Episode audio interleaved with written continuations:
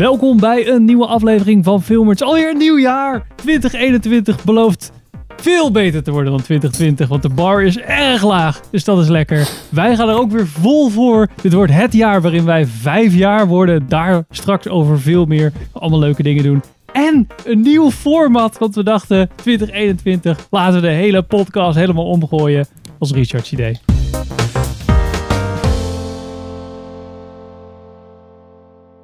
Welkom bij een nieuwe aflevering van Filmers. Ik ben Henk. Ik ben Pim. Ik ben Sander. Ik ben Richard. En welkom bij een nieuwe aflevering. Podcast 18. De 18e van de lange vorm podcast. We zijn heel lang bezig. Man nee, dat gaat lekker. En zoals ik net al zei, Richard... Of nou ja, met goedkeuring van ons natuurlijk. We gaan het hele podcast gaan we helemaal omgooien. Flink zitten brainstormen met z'n allen. Ja, precies. Richard zei, gaan we dit doen? Ja, zijn we allemaal vet. Ehm, we gaan de podcast een beetje omgooien, omdat we merkten dat we eigenlijk heel vaak heel lang lulden eh, aan het einde van de aflevering over wat we, heel, wat we hadden gekeken. En ja, dachten als we dat nou een beetje naar voren gooien en we gooien het een beetje op een leuke volgorde. Dus, de volgorde nu. Richard, jij mag het introduceren. Wat is de Nou. volgorde van de podcast? Nou, we hebben het in eh, vier, eh, vier opgedeeld. We gaan eerst een stukje behandelen van waar keken we naar. Dan doen we een stukje waar kijken we naar uit. Dan doen we even iets tussendoor. Daarover straks meer. En uiteindelijk sluiten we af met waar kijken we naar uit. Zo simpel kan het zijn. Dat klinkt mega logisch. Mega logisch. Heel goed. En om dit allemaal een beetje te, illustreren, ook in audiovorm voor de luisteraars, hebben wij Amanda, vaste gast, of in ieder geval redelijk vaste gast van de, eh van de filmquizzen, gevraagd om wat audiostukjes in te spreken, zoals deze Stukje, en deze winactie, en soms ook deze. spoiler warning. Nou, en dan Klinkt goed. soms komt het even tussendoor en wij horen er niks van, maar in de edit wordt het helemaal leuk. Ah man, ver, verpest nou niet de magie. Nee, precies. Dan beginnen we nu met Waar keken we naar? En waar keken we naar? Jongens, wat hebben we de afgelopen tijd allemaal gekeken? Ehm, dat is dus een beetje voor de, oude, voor de oude luisteraars. Is dat de praattafel. We beginnen met één item waar we dan in ieder geval over willen praten. Niet dat je dan allemaal dingen gezien hebt. En dat Pim mij niet naar Marvel, over Marvel laat lullen. Dus dat heb ik er nu een beetje hey, hey. Voorzichtig, hè? Je, liep me ook een keer niet over John Wick lullen, dus ik pak Oh, die dat is gewoon terug. Maar we kunnen dus in ieder geval over één ding lullen waar we heel graag over willen lullen. En dan gaan we nog één of twee rondjes langs met andere dingen waar we over willen praten. Dus Dus de ander dan weer kiezen? Doen we dat nog ja, zo? dat, Of- dat kiezen doen we dan nog wel. Ah, oké, cool. Dat Dus is altijd wel grappig. Sander, waar jij wil beginnen met... Ik ga beginnen met... Trommelgeroffel Titanic.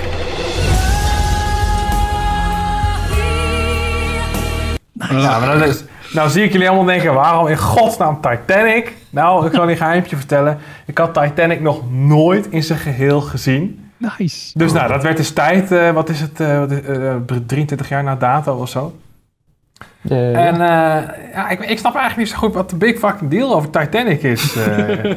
ik vond eh, Leo DiCaprio maar een heel vervelend mannetje. Dat vooral heel erg. En ik vond het ook echt, het was zo mierzoet. Echt Ja, verschrikkelijk. Ja, de James Cameron film, toch? Nou ja, bij, bij Avatar heb ik dat een stuk minder. Oh, en ik vond wel, man. het was wel een soort van... Ja, het is wel, het is wel echt een soort van behemoth van een film. Met enorme setpieces en zo. Dat, dat geeft het wel iets tofs. Maar ik vond het verhaal echt... eh, ja, ik snap, ik snap het echt niet. Zo, Is dit het nou? Ja, maar, dat is, een beetje wat met Avatar toch ook is. Zo, het verhaal slaat helemaal nergens op en het, is, het zag er heel mooi uit. Ja, Dat is een beetje het niet. Bij ding. Avatar vond ik het verhaal toch veel, veel epischer ook wel, hoor. Eh, dat hele ge, ge, dat sentimentele geneuzel en, en zo, dat, dat snap ik waar je op doelt. Maar ja, je had daar ook wel, dat kwam echt tot een grote climax met een groot gevecht en weet ik wat allemaal. En dat, nee, dat past heel goed bij die visuals natuurlijk. Dus dan haal je echt, eh, nou, dan, dan gebruik je echt de sterke punten van de film voor een toffe scène. En bij Titanic had ik dat veel minder, want dat was gewoon een liefdesverhaal. Ja. Nu beschrijf nu precies gewoon allebei de films voor mij. Het is echt van, eh, ja, eh, het is zo'n zo'n beetje zo'n sla- slap, eh slap geouwe hoer de hele tijd. En dan heb je een hele grote climax met heel veel special effects, wat indrukwekkend is. En, of moet zijn in ieder geval. En dan is het zo van oké, en dan krijg je een of andere vervelende song aan het einde gezongen door populaire zangeres van dat moment. en dat, dat, is, dat, dat, is, dat is meestal een James Cameron film, behalve dan Terminator ja, 2. Ja, maar je hebt het wel over een film van 23 jaar geleden, hè? Kijk, nu kijk je er heel anders tegenaan. Maar toen, kijk, ik weet dat nog, want ik ben in de bioscoop geweest. Uh, wat toen uh, was ik al wat ouder. Nee, maar die, het, het, maakte wel indruk. Omdat dat op dat moment nog iets was wat we, we dachten, nou dat hebben we op deze schaal in ieder geval nog niet gezien. Zo'n verhaal op deze manier zei niet dat het niet indruk maakte. Nou ja, nee, maar, ik proef een beetje... nee, dat is waar. Het maakt ook geen indruk. Maar het is een beetje van, dat, is, dat zijn die twee films. Alleen er zit dan 20, 23 jaar tussen. Langer volgens mij. Maar in ieder geval, ja, in ieder geval met Avatar 23 jaar tussen. Ja, maar dat is het toch, dat is, dat is zijn ding. Zo van ja, uh, het is gewoon een flinterdun verhaal. Spectaculair iets gebeurt hmm. er, moet gebeurt en dan vervelend ja, nummer aan het einde. Dat geldt natuurlijk niet op voor Terminator en Terminator. Of, uh, nee, nee, nee, ja. zijn uitzonderingen. Ja, ja, precies. Ja, ik, vond, ja, ik, ik vind uh, wel Titanic wel ja, omdat het delen ervan wel echt gebeurd zijn en bepaalde ja, natuurlijk bepaalde dingen zijn gedramatiseerd, maar niet dat er veel mensen doodgingen en dat sommige mensen moesten kiezen in klassen en dat soort dingen. Dat vond ik ja. in die film wel indrukwekkend. Zeker toen de tijd dat ik hem gezien heb, dacht ik wel van wow, dat is wel uh, ja, nou, paar van dat die vond ik dus ook, ja. Dat vond ik ook. En dat, van, daar wilde ik dus eigenlijk ook graag veel meer van zien. En niet zo'n stom verzonnen liefdesverhaal. Weet je wel, van... Uh, van een, een, een, een jochie van lage stand die dan met een of ander uh, adel, adellijk meisje, of weet ik wat, in ieder geval dochter van een of andere baron of zo, aanloopt te pappen. Ja, dan denk ik van ja, dat hoeft niet op de Titanic, want dat kun je ook gewoon, kun je ook gewoon Romeo en Juliet filmen. Ergens ja, maar ja, je moet natuurlijk... Ja, maar je kan natuurlijk ik denk dat hij natuurlijk gedacht van ik moet natuurlijk de boel jij zo dramatiseren om het qua film interessant te maken. Want ik kan natuurlijk wel een droge film doen van de ramp en ik kan een paar mensen eruit pikken die ik dan volg. Maar dit stuurt het waarschijnlijk wat meer voort. En ik kan me voorstellen, 23 jaar geleden, dat we dan misschien daar wat allemaal een romantische beeld bij hadden. En vooral natuurlijk met zo'n jonge Leonardo DiCaprio en Kate Winslet. En dat dat natuurlijk heel anders is. Kijk, nu nu zou je met zo'n film, die zou nu niet zoveel meer indruk in maken als hij nu in de bioscoop zou zijn, dan dat hij toen de tijd deed, denk ik. Ja. Ook omdat hij toen nog veel minder gewend was. Ik weet niet precies of je. Uh, ik ben het er niet mee eens. Als ik denk. Ja. Wat ik bedoel. Ja, als, ja zo van, van oké, het is nou, omdat ja, het, het een romantisch verhaal is, kan je een soort van meer, heb je meer connectie met de personages, gebeurt er ramp hmm. omheen, heb je een soort van framework. Maar alle goede films die dat hebben, die ook klassiekers zijn, hebben dat ook niet. Zoals Back to the Future of Jurassic Park of 2001 nou ja, Space Odyssey of... Weet je, dus het is... Als je nou gewoon de kapitein had en zo'n andere dude, weet ik veel wat, dat je de klassenverschil liet zien tussen de kapitein hmm. en bijvoorbeeld de gast die echt letterlijk cola aan het scheppen is, dan had je misschien een even goed, beter verhaal gehad en dan maakte dat evenveel indruk. En dan ja, maar had je dan een verhaal gehad dat iedereen aan zou spreken? Want hier gingen natuurlijk mannen, vrouwen, iedereen ging hier naartoe. Dit nou, en ik denk dat, dat, dat, dat je daar de spijker op de kop slaat van dat hele mierzoete geneuzel, dat, dat zit er gewoon alleen maar in ja, ja. om vrouwen naar de bioscoop te trekken. Dat, ik denk echt dat dat het is. Hm. Ja, dat kan. Dat is net zoals Avatar dus. nou, nou ja, een slimme business move, maar ik vond het de film niet te goede komen. Laten we het Wist je daar wat ophouden. dat ze bij die kadescène uh, van Titanic konden ze maar één kant van de kade... Want ze hadden maar één kant van die boot, dus ze konden maar één mhm. kant van de kade maken. En of ze de helft van de boot, ook nog zeg maar de helft en dan nog een keer de helft. Ja, dus gespiegeld, ja. Ja, toen hebben ze de, een deel van de uh, uh, set hebben ze gespiegeld. Dus ook de letters op de auto's en op de kleding en zo hebben ze allemaal gespiegeld. Zodat je mhm. het andere shot kon maken van de andere kant. Ah, Oké, okay. Jesus fuck. Want ja, konden het niet zo makkelijk die. Maar ze hadden dus wel echt die hele zijkant van die boot gemaakt. Dat, er zitten echt wel flink wat cameratrucs in waarvan je nu denkt van... Dat is voor die tijd echt wel heel erg goed gedaan. Ja. Dat is echt wel goed, Zo, zo verschrikkelijk oud is het ook weer niet. Hè? Ik bedoel, 97. Nou. Oh ja. Ja, maar als je kijkt naar net Jurassic Park geweest, nog niet mega veel CG-films heb je wel echt zo'n hele boot die dan uh, getracked moet worden. Vlak voor Lord of the Rings. Ja, maar dat, dat kwam allemaal daarna. hè. Lord of the Rings, Matrix, Ja, Armageddon. zeg ik, al wat vlak dat- voor. Ja, precies. Ja, oh ja, sorry. ja, het was gewoon een voorloper. Ja, ik, ja, ik, vond, wel- ik vond het wel een goede film. Ik moet zeggen dat ik hem lang niet meer gezien heb. Ik weet niet of ik hem zo snel weer ga opzetten, maar Nou ja, dat heb ik dus ook. Van, was een beetje verplicht nummertje van, nou, ik moet er een keer aan geloven. en eh, ik zag ook dat hij dat die drie uur duurde, dus ik dacht van, jeumig. ja. Nou, we gaan maar gewoon beginnen. En ik heb hem ook, denk ik, in drie sessies of zo gekeken. Ehm, maar ik geloof ook niet dat ik hem nog een keer ga kijken. Als ik heel eerlijk ben. je kunt hem nu netjes afvinken op alle lijstjes en dat is het. Ja, precies. Ja. Het is echt weer zo'n klassieker die ik dan zo... Check. Ik, ik, kan me, ik kan me nog herinneren dat ik echt gillend gek werd van die fucking Celine Dion bullshit. Oh my god. Maar die heeft ook echt voor, voor iets van, van 20 weken of zo op nummer 1 gestaan, denk ik. Ja, dat was My Heart Will Go On. Die, Ja, die shit. En toen had je ook nog toen... Dat was hetzelfde als toen Elton John dat nummer over Princess Diana. Dat heb ik ook nog meegemaakt. Dacht ik, ja, is dit het? En Ja, gewoon de is de tijd hele je tijd 800.000 jaar hetzelfde nummer. Dat niet eens zo goed is te luisteren. Ja. Omdat, ja. Daar heb ik gelukkig allemaal geen last van gehad, want ik was toen eh, twee. Maar misschien onbewust zo'n trauma. Zo gewoon. ja, precies. Nou. Ja. Richard, wat Ja. heb jij gekeken? Nou, compleet wat anders. En ik, eh, want ik dacht, ik plik er even een serie uit. Die eh, begin deze maand op eh, Netflix eh, verscheen. Lupin. Je suis agent d'entretien. Les œuvres d'art que je nettoie.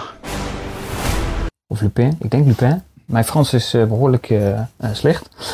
Ehm, Wel, heb je de gedubte versie gekeken? wat zei je, Henk? Heb je de gedubte versie gekeken? Of heb je- Nee, ik heb natuurlijk gewoon de Franse versie gekeken. Dat is, eh, dat is eh, zoals het hoort. Tenminste, ik heb daar, als ik dingen, eh, tekenfilms kijk met de kinderen, dan moet, ben ik natuurlijk overgeleverd aan de Nederlandse vertalingen. Maar eh, als ik natuurlijk gewoon voor mezelf kijk, dan kan ik eh, gelukkig het normale audiospoor houden. En me goed ook, want eh, het is een Franse serie, dus waarom niet Frans? Ten slotte. Hebben jullie een van jullie het gezien, Lupin? Nee. Nee. Nou, het is, in het kort eh, gaat het over eh, Omar Sy speelt de hoofdrol. Die je natuurlijk kent van Jurassic World en Intouchable natuurlijk. Hè, de grote donkere Fransman. Jurassic World? grote glimlach. Ja, hij zit erin in een klein rolletje met die Raptor trainers. Hij is de collega van Oh, Chris ja. Pratt. De sidekick van... Ja.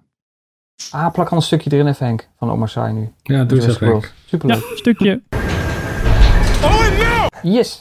Ehm, maar hij speelt uh, Assam Diop. En eh, dat is eh, eigenlijk een soort van... eh, of hij is... Nee, ik moet zeggen. Hij is zijn vader die is verloren.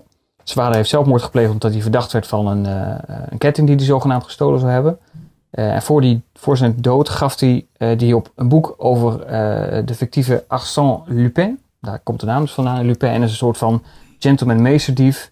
Die op slinkse wijze met vermommingen allemaal mensen voor de gek houdt. En nou, het is een beetje een soort van Robin Hood-achtig verhaal. Uh, dus hij doet er verder geen kwaad mee. Hij doodt ook niet. Maar hij doet allemaal slimme dingen om dingen te stelen en daar rijk van te worden. Um, dus in de geest van Lupin uh, besluit hij om dat... Uh, om, want die halsketting die verdwijnt na de dood van zijn vader. En op een gegeven moment duikt hij weer op in het Louvre. Daar wordt hij geveld voor het goede doel. Dus hij besluit om die ketting te gaan stelen. Dat doet hij op Lupin-achtige wijze. En dat deed mij heel erg denken aan Thomas Crown Affair. Die met, ik bedoel dan de film met Pierce Brosnan. Dus natuurlijk officieel een film in de jaren 60 geloof ik geweest. -hmm. um, daar lijkt het een beetje op. Het is echt van, um, uh, ja, gewoon van die slimmigheidjes, weet je wel. Mensen voor de gek houden. En dat je ook als kijker denkt van, oh nee, dit is een goede. Oh nee, dat is toch weer een slechte. Of double cross en allemaal dat soort dingetjes. Uh, dat is vooral de eerste aflevering. Want de tweede aflevering komt hij erachter dat de familie die verantwoordelijk is voor die ketting ook de familie is die waarschijnlijk verantwoordelijk is voor de zelfmoord van zijn vader. Dus besluit hij om uh, een soort van wraak te nemen en die familie te, ja, uh, hoe zeg je dat, de exposure in ieder geval bekend te maken bij het publiek dat het dus niet zo'n frisse familie is. Um, ja, en die strijd gaat hij aan en uh, dat wordt nogal lastig. ik vond het hele toffe serie, ook heel kort, is maar vijf afleveringen. Dus dat gaat lekker snel. Dat heeft waarschijnlijk te maken met de hele COVID-pandemie. Omdat later in het jaar in ik had het wel opgeschreven, in april geloof ik, of in juni, nee, juni gaat het verder. Dus ze hebben seizoen 1 eigenlijk een beetje opgeknipt. Dus een beetje abrupt einde. Uh, omdat we dan de laatste vijf afleveringen hebben bewaard voor later. Ik denk dat ze dat doen omdat de opnames voor seizoen 2 natuurlijk wat later zijn. Dus dan hebben ze een wat langer Lupin op de streaming staan. Dus dat is mm -hmm. natuurlijk best wel, uh, best wel slim. Uh, ik vond het zeer vermakelijk. Ik was wel, de eerste aflevering was echt super tof. Met het hele, die hele roof in het Louvre. Goed gefilmd ook. Louis Leterrière. Ik weet niet of ik het goed uitspreek. Die eh, was eh, de regisseur van dienst. Dat is de man achter eh, nog wat actiefilms van eh Luc Besson-achtige actiefilms. Eh, ik zit even te denken, wat heeft hij er gedaan? Danny de Dork heeft hij gedaan. Nou, een beetje van die, van die foute actiecomedies. Ik kan ze 1, 2, 3 even geen, eh, geen titel noemen. Maar in ieder geval een bekende, Fransman die ook in Hollywood opereert. Dus heel actievol. En daarna kakt het een beetje in als die strijd eigenlijk met die eh, familie Pellegrini, zoals ze heet, eh, begint. Eh, en dan komt een beetje eigenlijk het punt dat eh, deze films of series slagen vaak als de kijker ook voor de gek wordt gehouden door de meesterdief. En dat gebeurt in die laatste vier afleveringen eigenlijk te weinig. Dan heb je te snel door wat hij doet. Of dan is het toevallig iemand die hem dan redt. Weet je, eh, of domme dingen gaan dan net even te snel. Dus daar raakt het me een klein beetje kwijt. Dus ik hoop dat ze dat in het eh, tweede deel van het eerste seizoen in ieder geval weer rechtzetten. Uh, het wordt heel goed bekeken. Ik geloof dat het al 75 miljoen keer gestreamd is wereldwijd. Vooral in uh, alle landen buiten Amerika. Omdat de Amerikanen natuurlijk heel moeilijk vinden dat uh, er buiten Amerika anders wordt gesproken dan Engels. Uh, dus, maar op de rest van de wereld doet de film of de serie het ontzettend goed. Dus um, voor jullie in ieder geval dikke aanrader. En wat ik zei, het is maar vijf afleveringen, dus vijf uurtjes bij de in principe ook weer doorheen. En Omar Sy doet, dat, doet dat wat dat, dat betreft echt perfect als, als meesterdief. Dat is hem ook wel echt een rol die in vorm is weggelegd. Hm. Dus dikke aanrader. Volle uren aflevering? Oké. Okay. Wat zei je, Sander? Volle uren per aflevering? Ja, ongeveer 50 minuten zo'n beetje. Oké. Okay. Dus inderdaad nog weer vijf uur en dan is het, is ja. het klaar. Het is, het is heerlijk te bingen, te bingen. Wel pittig hoor. Toch vijf uur. Ja, ja, maar ja, goed, het is, uh, moet te doen zijn. Nou, je hebt ook de Titanic gezien, hè? Die duurt bijna even lang. Ja, nou klopt. Nee, maar ik vind, ik vind juist dus de, de, de, ja, wat Disney Plus natuurlijk nu ook doet, die iets kortere aflevering. Ik vind dat eigenlijk wel fijn, om heel eerlijk te zijn. Hmm. Ja, ja. Nou, kunnen we het straks wel over hebben. ja, ja zeker, zeker. Gok ik. Dus uh, Lupin was voor mij uh, deze maand uh, de tip, laat het zo zeggen. Nou, Oké. Okay. cool. Nou. Leuk. Dan mag hij naar Pim. Pim. Oh, ik heb, uh, ik denk ik doe even de highlight free solo, want we moesten ik, ik wilde een documentaire zien. It's 3200 feet of sheer granite. It's the center of the rock climbing universe. Daarover later meer, dat is even foreshadowing. ik vond het meteen zo vet, ik denk ik zet hem meteen in de lijst van, oh my god, die wil ik bespreken. Want ja. uh, uh, het gaat over, uh, is een documentaire 2018, het gaat over Alex Honnold. Dat is uh, een hele goede bergbeklimmer en die doet alles, uh, of de meeste dingen. Of zijn een van zijn talenten is, om dat maar te zeggen, doet, dat hij free solo ook klimt. Dus zonder touw, zonder hulp, whatever. En uh, hij gaat dan uh, de cliff van El Capitan in Yosemite Park in Californië gaat hij beklimmen. En dat is dus iets wat nog nooit iemand heeft gedaan. En, ook, en dan zie je het proces van hoe hij zich voorbereidt en hoe ze dat filmen en wat zijn vriendin ervan vindt en medeklimmers en dat soort dingen. En dat is echt, oh, die shit is echt vet. Toen hij aan het klimmen was aan het einde, zit je echt zo van, oh, dit is zo cool. dus dat. ja, ik weet niet. Het is echt. Uh... Maar cool hoe het gefilmd is of cool van wat hij doet? Dat je zegt van wat dat hij doet ook. Ja, want dan zie je eigenlijk zo'n heel klein rood shirtje. Want de film is het ook met een dikke telelens van de grond. Zie je een heel klein rood shirtje. Zie je zo op zo'n huge. Die berg is. Die cliff is 975 meter. Dan zie je hem echt En dan kan die cameraman kan niet kijken, want het zijn allemaal vrienden van hem, ook bergbeklimmers. dan zit echt zo oh, ik kan dit eigenlijk niet zien. Want dadelijk valt hij en is hij gewoon dood. Dan, is dat, dan hebben we dat gefilmd. Ja. Dat soort shit. Dat is echt best wel insane. En dat duurde hem ongeveer iets van 3 uur en 65 minuten om te klimmen. Omhoog. Zonder pauze. Dus uh, is echt, is echt vet. en het gaat ook een ik beetje heb... over van uh, ja, wat hij, hoe hij tegen het leven aankijkt. Wat zijn familiegeschiedenis is. En, en hoe die dingen verwerkt en zo. Dus waar, waarom hij eigenlijk niet echt bang is als hij klimt. Zo van, en hij zegt dan ja, als ik dood ga, ga ik dood. Maar als ik het niet doe, dan leef ik ook niet, om het zo maar te zeggen. Dus dat is een beetje zijn, zijn manier van kijken naar de wereld. Dat is best wel interessant. Dus eigenlijk had ik eigenlijk gewild dat, hij, dat het wat langer was. Ook over hem zelf ging. Maar het is dus echt die interviews gemixt met beelden dat hij klimt. Ja, ze volgen, hem, nee, ze volgen de... hem gewoon letterlijk van... Oké, okay, ze beginnen in 2016. Hij klom hem in 2018. Dus hij is... En hij is al echt ah, sinds okay. 2008 was hij jaarlijks bezig. Zo van, oh, ik moet klimmen en weet ik veel wat. En ik moet me voorbereiden en dat soort dingen. En dan zie je de hele voorbereiding. En ook één keer dat hij wil gaan klimmen en dan halverwege, het voelt iets niet goed. En hij heeft het gevoel dat hij vals speelde op een beginstuk. Van zo van, nee, nee, dit is niet goed. Ik cancel, cancel dat hele ding. En dan, en dan een aantal jaar later probeert hij het weer. En dan gaat hij wel gewoon. en dat is, eh, ja, is wel interessant. En tussendoor heb je dan dat hij... Hij heeft eerder free solo beklimmingen gedaan. Dus echt, hij heeft er nu iets van drie. De drie grote soort van eh, free solo's heeft hij gedaan. En daar vertelt hij dan over. En hij heeft ook een foundation. Dus dan gaat hij een klas langs en dan vertelt hij daarover. En, en hoe, ja, dan, dan zie je eigenlijk een soort van snippets van zijn leven. En dan hoe hij zich prept. En dan het laatste stuk is dan dat hij klimt. Dus dat is wel vet. Cool. En ik zat echt de hele tijd zo van, oh, die shots waren ook zo cool. Want dan zie je echt zo'n fucking drone shot en zie je hem klimmen. En dan zo, oh ja, die kleine dingetjes zijn bomen dus daar beneden. Dat soort shit, dat is echt vet. Ah. Ja, Hij dat is geen, bizar eh, hoor. Hij had geen audio mee of zo, dat je nog hoorde. Nou, nee, maar de, de, de kamers hadden eerst eh, cameramannen die gewoon hingen aan die cliff. Maar dat werd, na een tijd- werd, vond hij te afleidend op sommige stukken. Dus hebben ze het gewoon remote gedaan. En sommige mensen die eh, met drones en dan telelensen van de grond. En gewoon filmkamers automatisch. En dan heb je één zo'n shot. Dan zit zo'n gast zit zo in zo'n touw zo hem te filmen. En dan komt hij zo langs. En volgens mij was hij al iets van drie uur aan het klimmen. En dan had hij een moeilijk stuk gehad. En dan keek hij echt zo naar de cameraman. En zei hij echt zo, yeah boy. En dan ging hij zo verder. alsof er niks aan de hand was. Dat is zo vet. En dan liet ze ook de route zien. Dus hoe hij eigenlijk klimt met Google Maps zo in 3D. En dan zie je echt zo, oh, dan moet eerst een stuk omhoog. Maar dan, dat stuk wordt dan veel te, veel te moeilijk. En dan heb je al een uur of twee geklommen of zo. Dus moet hij stuk naar beneden. En dan moest hij kiezen tussen twee paden. Dus een soort van boulderprobleem en een soort van ander soort probleem. En bij dat andere... En dan zat hij een soort van te debatteren van... Oké, moet ik dan een dino doen? Dus springen met twee handen naar het andere stuk? Of moet ik het rustig aandoen, mijn voet zo uitsteken... en dan eigenlijk op één voet... En dan de andere zo in die, in die wand duwen en dan dat soort shit. Dan zit hij daar ook over, over na te denken samen met iemand anders waarmee hij dan wel met touw even klimt hoe het allemaal een beetje in elkaar zit. en dan zegt die vent ook, die uh, bergenbeklimmer, zo, zo'n vriend van hem, zo van ja, ik kan hem niet tegenhouden, dus ik probeer hem zo goed mogelijk te helpen. En uh, ja, dat soort, ja, nou, Jij kan niet uit Dat stuk heb dus ik moet wel. gezien. wat zei hij? Ja, nee, het is, eh, hij, nee, het is gewoon als iemand dan... Nee, hij wilde het gewoon doen.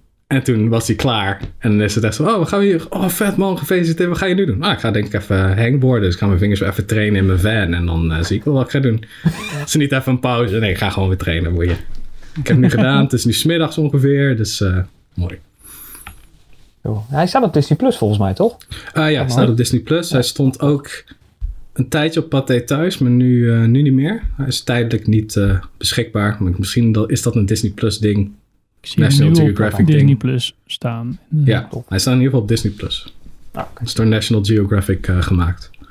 Oh ja, ja, dat staat bij Disney Plus toch? Nou, leuk. Ja, echt cool. Vooral omdat nu de Boulder centra dicht zitten, had ik echt zin om dat... eh, nu wil ik... Eigenlijk had ik dat niet moeten doen. Nu wil ik nog liever... Nu wil ik weer klimmen. dus dat is niet zo handig. Al die dingen op de muur daarachter, zeg maar zo maken, zodat je... Ja, precies. Ja, ik heb eh, in de garage wel wat eh, een en ander hangen, maar dat is dan, eh, ja. Slow, hanging. Nee, precies, ja. Ah. Oké. Nou, nog met Disney denk ik, of niet Henk? Ja, ik heb Ziel. Soul, Soul gekeken. What's your name, honey? Uh, I'm Joe. I teach middle school band. Got it, go for it. En eh, nou, ik had het er al heel even met eh, Richard en, eh, en Niels over gehad. Maar ja, het zijn eh, eeuwige positieve mensen. Dus daar kan ik Zeker. het niet mee over hebben natuurlijk. Nou, ik ben niet kritisch hoor.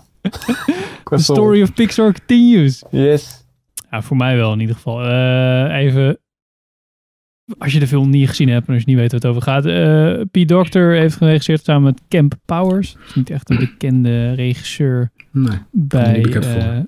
nee, eh, die, die heeft wat kleine dingen gedaan. Geschreven ook, schrijver ook van Star Trek Discovery. Ik denk dat hij dan zoveel hier aan heeft gedaan of meegedaan dat hij dan co-director is Ah, geworden. Ehm, Ja. Stem van Jamie Foxx, eh, Tina Fey en Graham Norton. Oh, Het gaat over Joe, die dan een eh, leraar muziek is. Eh, begint ook wel grappig, dan hoor je het team van eh, Disney, hoor je helemaal. Dan denk je, wat de fuck is dit? Maar dan blijkt zo'n dat het dan in een klasje zo. zit. Dus op Ja, net zoals bij de Simpsons meestal. Nou ja. En dan, ehm, zonder spoilers, Ja, hij wil eigen, hij, hij heeft altijd een droom gehad om zeg maar heel groot in de muziek te worden. Maar eigenlijk is hij dus eh, eh, leraar muziek. Eh, en ehm, dan, dan valt hij in een put en dan ja, gaat hij eigenlijk een soort van dood. Wat echt eigenlijk een soort van is. Niet eens, hij gaat dood, nee. Ehm, en dan komt hij, ja, zijn ziel komt dan ergens waar andere zielen ook geboren worden. En waar andere zielen betekenis krijgen. En bla bla bla. Beetje sarcastisch eh, toontje. Oké. Nou ja, letterlijk eh 20 minuten in de film eh, zei Rielle, mijn vrouw... Oké, als dit nog langer doorgaat, dan ben ik er wel echt een beetje klaar mee. en ik had eigenlijk wel hetzelfde gevoel. Zo van, Oh, jezus. ja, dit is gewoon niet zo leuk of zo. En waar ze dan, ja, Pete is natuurlijk ook van Inside Out, die ik al keihard bekritiseerd heb bij de duimpje worstelen aflevering. Maar ja, dan heb je nog een soort van logica van emoties waar je nog een beetje zelf aan kan vergelijken van, oh ja, ik heb boosheid en blij en dat soort dingen. Oh, dat, is, oh, dat, klinkt, oh, dat klinkt allemaal best wel logisch. Maar als we dan die zieldingen gaan uitleggen, zeggen ze van, ja, maar dit heb je gewoon allemaal, dit is gewoon allemaal verzonnen. Dit is gewoon echt allemaal verzonnen. Dus we proberen een beetje hetzelfde te doen voor mijn gevoel. Zo van, oh kijk, je hebt dit soort dingen en dit soort dingen en zo kunnen we een ziel uitleggen. Ja, oké, maar het is allemaal niet echt. Oh, oké. En bij Inside Out heb je misschien nog van, ja, misschien is het onderzoek en misschien, ja, Oh, op die manier. Ik heb klinkt toch een beetje basis, maar hè, vooruit, voor, voor kinderen is het leuk uitgelegd. En dit is ook van een soort van andere planeet. Zielen kijken letterlijk vanaf een soort van de ruimte, al niet de maan of weet ik veel, kijken dan op de planeet en die gaan dan langzaam naar, die naar de aarde toe. Het was allemaal super vaag. En toen kwamen ze dus ook weer uiteindelijk wel op de echte wereld. Deden ze ook nog een Brave, als je die allemaal gezien hebt. Dus dan werd er ook nog een karakter, werd een kat of zoiets. Nou, Gedaantewisseling. kat. Dacht ik, ja, wat de fuck doen jullie nou weer? Dat werkte vorige keer ook niet. dus ja. Ik, eh, Niet toen de film geslaagd. klaar was, dacht ik echt van, ja, ja, ja, ja. Ja. Nou, maar je hebt gelijk hoor, Henk. nou, ja, je merkt gewoon heel erg dat ze met, met, met eh, Inside Out hadden ze natuurlijk redelijk geslaagd eh, iets, iets ontastbaars tastbaar gemaakt. Ja. En je merkt heel erg dat ze dat bij Soul ook proberen en daar lukt het dan niet bij. En dat is denk ik precies om de reden wat jij zegt. Dat je wel een gevoel hebt bij emoties. Dat je denkt, oké, ik heb jeugdherinneringen en die vergeet ik. En dat is dan een zwarte knikker. En dat kun je, dat, dat kun je allemaal prima visualiseren. Alleen de dood of de ziel, dat wordt gewoon een stuk lastiger. En daar heb je natuurlijk allemaal een beeld bij. Maar Dat deed ze bij eh, Coco toch wel. Ja, maar bij Coco is het anders, omdat er zit natuurlijk heel die, die Mexicaanse traditie nog aan vast. Dus er zijn wel echt verhalen hoe dat dan zo, eh, zou moeten zijn. En bij eh, Soul is het natuurlijk echt compleet uit de duim gezogen. Dat is natuurlijk heel ander, eh tenminste een heel ander kaliber volgens mij. Bij, bij Coco ligt er nog redelijk Ja. een soort van geschiedenis achter. Ja, Nee, hadden ja, ja, bij, ja, nee, ja, bij Coco is doen, dat- toch? Bij Coco is dat heel goed gedaan. Maar ja, dat was ook Disney in plaats van Pixar. Dus, ja. Nee, dat is toch Pixar. Pixar? Ja, dat was Pixar. oh, kut. Zeg ik dat nog was een toen een kunnen van de wel. Pixar films die Oh, dat was de enige vond. Pixar film die wel leuk Ja. was. Ja, nog de laatste paar jaar de enige Pixar film waar we van zeiden van... Hey, dat is leuk. Ja. Ja. Oh. Naast Toy Story 4 dan. Zit de was jank op de bank. Ja, De Coco. Arme Richard. Ach, grappig ja. dat ze dat Toen weer als je hem in het Nederlands moest kijken met je kinderen. Nou, dat maakt echt geen reet uit bij deze film. Oh, oké. En dat is heel knap. Als je dan dus zegt dat de animatie dusdanig sterk is. Dat je denkt aan het einde van. Nou, ik voel hem wel, die brok. Vond ik. Ja, dat is echt leuk. Ik heb hem laatst ook nog, of vorig jaar ergens, afgelopen jaar, nog een keer Coco gekeken. Dat was echt, eh Ja. echt een goede film. Maar ja, deze dus niet. Het zag er wel trouwens rete goed uit, maar dat maakt me nog geen reet meer uit. Daar ben ik dan echt klaar mee. Zo, ja, maar het zag er super goed Ook bij Nee. Filmfans Podcast hadden ze het erover met Nerana. Nerana voelde hem. Ik, dat merkte ik gewoon. Je had zo Niels en Nerana. En Niels die zat zo van, ja nee, het was echt een leuk film. Altijd, eh, altijd positief. En Nerana had toch zo'n beetje zo, zo van, ja, ik weet niet. Ik, het, het voelt toch niet helemaal... En toen dacht ik, yes, ik heb je. Ik had je nu gewoon kunnen overtuigen. Er staat op een keer, ik trap Ja, precies. Ik had gewoon kunnen intrappen dat jij het ook een kutfilm had gevonden. ja. Gewoon een paar van die dingen. En dit klopt niet, en dit klopt niet, en dit is kut. Dat is wel waar.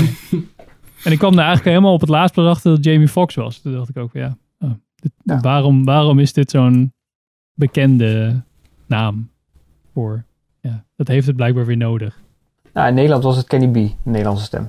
Dat paste wel goed? Wie? trouwens. Kenny B van eh, Parijs, eh, hoe heet dat? eh, hoe heet dat hem nou? Eh, help eens even jongens. Nee, Parijs. Ik weet het, maar na. laat jou lekker eh, Ja, laat Oh, me een exit. Weet je, Henk Praat. pakt wel een stukje onder. praat. Parijs. Praat Parijs. Nederlands. Je heel maar kort stukje Parijs. voor de audio. Ja, doe maar een klein stukje. Frisse morgen in Parijs. Oké, en we zijn geflagd door YouTube. Dus, Ja, precies. En en copyright strike. En ja. eruit. Ja, want ze hadden, ze hadden bij Sol nog een soort van, ja, dat doen we in 2D met lijnen, maar die lijnen zijn dan wel weer 3D. Ja, het voelde allemaal weer een beetje zo Mhm. van, we hebben weer iets nieuws uit. Ja, zij- zijn zeiker hierover. Maar ja, net zoals bij Inside Out, dat je ook Ja, maar, welcome dat to the die club, Henk.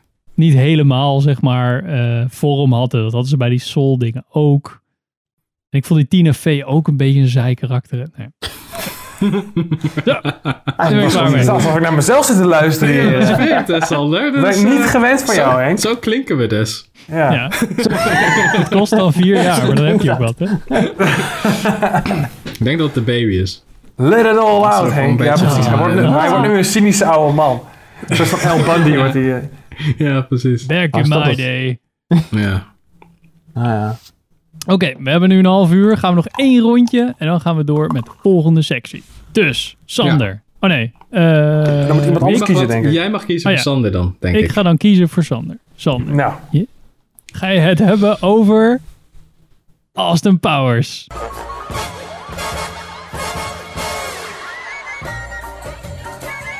Nou, dan hebben we meteen mijn stuk ook gehad. Dus goed, dan pakken we die wel mee. Oh, lekker. pakken we hem samen. Ja. Nou ja, dat is wel grappig. Pim was hier eh, van Wel het weekend grappig. even. Want ja, lockdown en allemaal eenzaam en verdrietig. Dus we dachten, nou, we gaan eens even... Normaal gesproken gaan wij vaak klimmen. Voor de mensen die dat niet weten. En dan één keer in de week of zo. Ja. En nou, dat, dat kan allemaal niet meer. En nu klom je Dus bij elkaar op de bank. nou, ga- Sorry? Ik deed flauw het woord grapje. Ik zei, nu klom je bij elkaar op de bank. Ja, zeker. Dus Ja. dat was een beetje het idee van, nou, gaan we een keer teken. even een biertje doen. Kom nou. Oh, whisky. Dus eh, ja, op een gegeven moment kwam, weet ik om wat voor reden dan ook, kwam Austin Powers te sprake. En eh toen dacht ik, nou, laten we dan Austin Powers kijken. ja, En die pacing in die film, die was zo goed, dat we op een gegeven moment, Dat was echt... was het zo van, ja, het, het is voorbij, nou laten we dan deel 2 ook maar kijken. Ja, en toen En was toen was het zo van, ja goed, Ja, Dan moeten we wel deel heel- 3 kijken. ja, die derde duurt nog maar anderhalf uur, laten we die dan ook maar kijken. Dus, Ja, we hebben dat dus de tweede keer dat ik bij Sander ben geweest. Dat we dus ergens in rond de middernacht of zo. Of rond het begin van de ochtend. Begin volgende dag een film aan hebben gezet. De vorige keer was dat eh Oh Brother Where Art Thou. En eh, ja, dat is echt... Ik weet niet wat dat is. Maar Austin Powers, de eerste en de derde. Die zijn echt... Ja, Ja. daar heb ik eigenlijk niks over te zeggen. Twee was een beetje... Dat zakte een beetje in. Toen zat ik echt van... Oh, ik weet niet of ik dit volhoud. En toen was hij gelukkig voorbij. En toen was drie. En toen was het echt zo van... Ah, yes. Dan heb je die opener met Tom Cruise en zo. En Ja. Gwyneth zit er weer helemaal in. Ja, ja, het is zo flauw, maar Ja, het ik blijft blijf- zo leuk. Ik blijf dat stukje met dat karretje en dat halletje zo briljant vinden. Ik, nu Ja, dat ik eraan de denk, moet ik al ja. lachen. Dat Ja. dus dat probeert te keren. Ik vind dat Ja, ja, ja, zo waanzinnig. ja het is nu ook een beetje een uitspraak geworden van als je ergens met klem zit, in ieder geval bij mij, dan zeg ik, oh, ik heb mezelf ge-Austin Powered. Dan zit ik met zo'n met een camera statief door een iets te Ja. krappe gang of door een deur en dat ik echt zo, god, hoe heb ik, ik heb hem erin gekregen, ik heb het zo gekregen, dus het moet er ook zo uit. Maar Ja. nee. Ja, het is echt, Ja. ik weet niet wat het is. Met die, de eerste film vind ik, denk ik, de eerste en de derde, die vind ik allebei even goed eigenlijk. En de tweede is ja de enige die, die minder is. In Voor mijn, mij, in mijn geheugen was drie gewoon een beetje raar. Met Goldmember en zo. ja, die Goldmember vond ik Ja. een beetje Ja. een vage...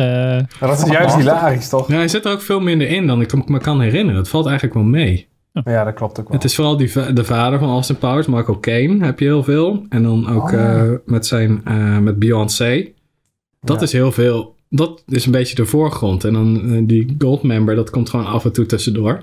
Ik denk echt- maar drie scènes of zo, of misschien vier dat die Ja, erin zoiets. zit. Het is een beetje wat... die eh, intro en dan heb je op een gegeven moment dat hij bij Dr. Evil eh, komt. In Ja. die submarine. en dan En daar zit hij dan nog en twee of drie keer. Ja, dan heb je die achtervolging ook nog, volgens mij. Met dat, Oh auto, ja, die ja. gou- dat gouden klopautootje en zo. Dat oh, dat soort dingen. Het is een beetje een soort van wat Anthony Hopkins... Een hele rare vergelijking, maar wat An- Hannibal Lecter is natuurlijk in. Silence of the Lambs. Dat hij soort van... Als hij er is, dan is het soort van... Dan draait het allemaal om hem. Dus dan lijkt het net of de hele film omgaat. Terwijl hij maar misschien een kwartier, twintig Ja, minuten in de film zit of zo. Ja, ja, Ja, dat is het. ja, Ja, ja, in de ja. jaren 70. Ja, het is echt fucking Gouden klomp rolschaat. Al die nummers ook. Dat is, eh, dat is wel een grote verandering. Dat ze dan al die... eh, Het is zo, zo bijna een, dat het soms een halve musical is. Dat Ja, had je ja, volgens mij bij 1 en 2 had je dat niet echt. Nee, dat klopt. Ja. Ja, dat valt toch wel mee. Je had alleen in, in deel 2 heb je dat hij gaat zingen. Gaat zitten hij op de piano met Minimi Oh in ja. die vulkaan. Ja, Oh ja. Ja, dat ja. Maar dan speelt hij Oh, gewoon nee. voor, voor, voor, zijn, voor zijn mensen. En hier is het echt Ja. in, die, in die cel is het echt gewoon zo'n heel, een hele act. En bij Daddy Wasn't There was ook een soort van, dat is een soort van videoclip. Oh, dude. videoclip. Oh ja, dat is waar ook. Dat, is, dat zat Ja. erin, ja. En dat openingnummer is natuurlijk veel groter. Maar ja, Nee. dat is gewoon budget, een budget ding, denk ik. Maar Is dat ja, ik ook- weet niet. Het is gewoon 1 en 3. Dat is echt, ik vond vooral, wat me verbaasde was dat 1 echt, waar ik echt zo zat van, oké, deze film, ik kan er eigenlijk niet echt veel op aanmerken. Het is, het is precies wat, wat het is, is het precies. Het is een beetje net zoals ehm, wat de eerste Back to the Future is. Of de, eerste, of de eerste Ghostbusters. Het is precies, gewoon, het is eigenlijk in zijn, in die vorm is het de perfecte film. Eigenlijk. Hm. Ja. Dus ja, Ja, ik Wat zou er niks uithalen of zo. Nee, dat Nee. klopt wel. nee. Welke is dat met Madonna? Is dat die tweede? Dat is de... de dat is- die heeft tot een nee, dat is de gehad tweede, toen, ja. Tweede, ja. Dat is de tweede. Dat is de, dat is de, ja, dat is de titelsong daarvan is van Beautiful Madonna. Stranger of zoiets. Ja, Ja, Beautiful dat ja. Stranger. Ja. Maar zij Ja, zit, daar- zit zij nou ook in die film? Was dat echt alleen in die videoclip van haar Nee. dat hij dan Nee, alleen, eh, alleen, je hoort alleen de song. Je ziet haar verder niet, godzijdank. Ja, hij Maar- zat in, maar misschien is hij het zat in haar eh, videoclip, toch? Ja. Ja, precies. Ja, maar ik, dat dacht, klopt, ja. ik vroeg me af of het ook andersom ook was. Net zoals Nee. bij eh, James Bond toen. Nee. Ook, eh, Het is gewoon elke keer als Madonna erbij zit, is het de slechtste uit de serie. James Bond is dat ook zo. Ja, als Madonna erin zit, is het slecht. Ja, het is gewoon Ja. zo van... hm. ja, Oké. ja, is wel waar. Ja. In parallel. Als een Powers Marathon. Toch. Maar het mooiste, wat, wat, wat vond je het mooiste stukje, mooiste scène, Sander? Oh jee, maar dat vind ik echt heel zo'n lastig, want er zijn zoveel vette scènes. Oké, ik denk dat de scène die ik het leukste vind, is... Oh, Godverdomme, ik heb haar in mijn mond. Blech. Dat gebeurt hier gewoon live. Eh, nee, er, er is één scène met, met Goldmember, die quote ik gewoon heel vaak. Ik denk dat ik die dan maar neem. Dat is dat hij zo van... Smoke in a pancake. Pipe in a grip. Ik, vind dat, ik weet niet waarom, ik vind het zo Dat is hilarisch. echt zo'n dom, jongen. Het is gewoon zo weird. Ook omdat die hele Goldmember heeft helemaal niks met Nederland te maken. Want hij heeft gewoon een Duits En hij accent. zegt Hij zegt ook scheisse. het is zo, zo fucking lui. Dat is zo is het slecht, zo maar dat is zo hilarisch. Het is echt super lui. Staan ze op Netflix of Amazon? Of hoe zijn ze het... eh, We hadden ze Eh, op ik Blu-ray. Oh, Ja, ja, ja. ze zijn niet in de kast staan zelfs. Ja, zeker. Ja, dat is- dat En, moet je eh, naast eh, 2001 hebben staan natuurlijk. Ja, Austin Powers. Nee, gewoon zo ertussenin gesandwiched. ja, Ja, precies. Dat je ze eigenlijk niet I'm wil a man of culture, you see. ja, precies. En eh, jouw favoriete scène, Pim? Ik denk dat dat eh, de opener is eigenlijk van drie. Dat het Tom Cruise is en Gwyneth Paltrow en Danny DeVito als Mini-Me. Weet je wel, echt zo, zo, zo. Het is een parodie, op, een parodie van een parodie van een parodie geworden. Zodat het weer bijna rond is. En dat vond ik wel heel grappig. Dat het echt zo, en dan Steven Spielberg zit erin, dat was ik vergeten. Die ja. regisseert dat. En die doet dan die. Stevie. Ja, ja, die gaat dan zo salters maken en dat soort shit in dat muzikale nummer, wat dan de opener is. En dat is echt zo van, dat je, dat zo'n film zo, het zo ver heeft geschopt. Dat doet me een beetje denken aan Tropic Thunder. Dat je ook echt gewoon allemaal mensen ziet van, oh ja, die doen er allemaal aan mee. En Ja. eh, Robert Downey Jr. doet eraan mee. Dus, en, en dat soort dingen. En dan heb je zoiets van, oké, dus er zit toch nog een soort van ziel in Hollywood. En dan krijg je toch gewoon een beetje optimistische hoop van, oké, ze nemen zichzelf niet altijd al te serieus. En dat, eh, dat, eh, dat maakt het wel leuk. Dat is een soort van de perfecte samenvatting van die film. Dus zo flauw, maar zo goed gedaan dat het weer een soort van, weer een soort van status heeft op zichzelf. Maar moet het nog een keer terugkomen? Deel 4? Ja, er gaan volgens mij al jaren geruchten dat er ooit nog een 4 komt. Maar volgens mij nog steeds niks concreets. Ik denk niet dat het inmiddels ooit nog gaat gebeuren eigenlijk. Ja, ik, eh, ik, voor mij hoeft het niet. Maar kan het En nog? die, eh, die Vern Nee. Troyer van eh, die Mini-Me, die is ook overleden inmiddels volgens mij. Dus, Ja. eh, Ja, het is een beetje... nee. Of ze moeten het moeten full bore gaan en dat ze echt gewoon Austin Powers, de Austin Powers eh, doen van eh, met Tom Cruise en Gwyneth Paltrow, dat ze dat gewoon een film maken. En dat het eigenlijk gewoon bijna een soort van een parodie-parodie wordt. Of ze moeten gewoon zeggen van fuck it, of Austin Powers heel oud en dan kan Michael Caine eigenlijk de oudere Austin Powers spelen. Dan lijkt hij heel erg veel op zijn vader of zoiets, weet je wel, dat soort shit. Dat kan, maar het hoeft niet. Ik ben een Laatste beetje bang, keer. want Mike Myers is niet Ja. echt grappig meer of zo. Ik weet niet. Nee. Laatste keer Ja. dat de, de Austin Powers 4 IMDb-page is geüpdate was 20 februari 2017. Oh, Ja. Dus ja, ja. Weet je, ik, eh, voor mij hoeft het niet. En met Oké. COVID zit er denk ik ook niet echt in. dat denk ik ook. Sander voor Richard. Oeh, Ja, pak keuze genoeg. documentje erbij. Wat zeg je? Pak even mijn documentje er weer bij. Even Oh, kijken, voor Richard. Eh.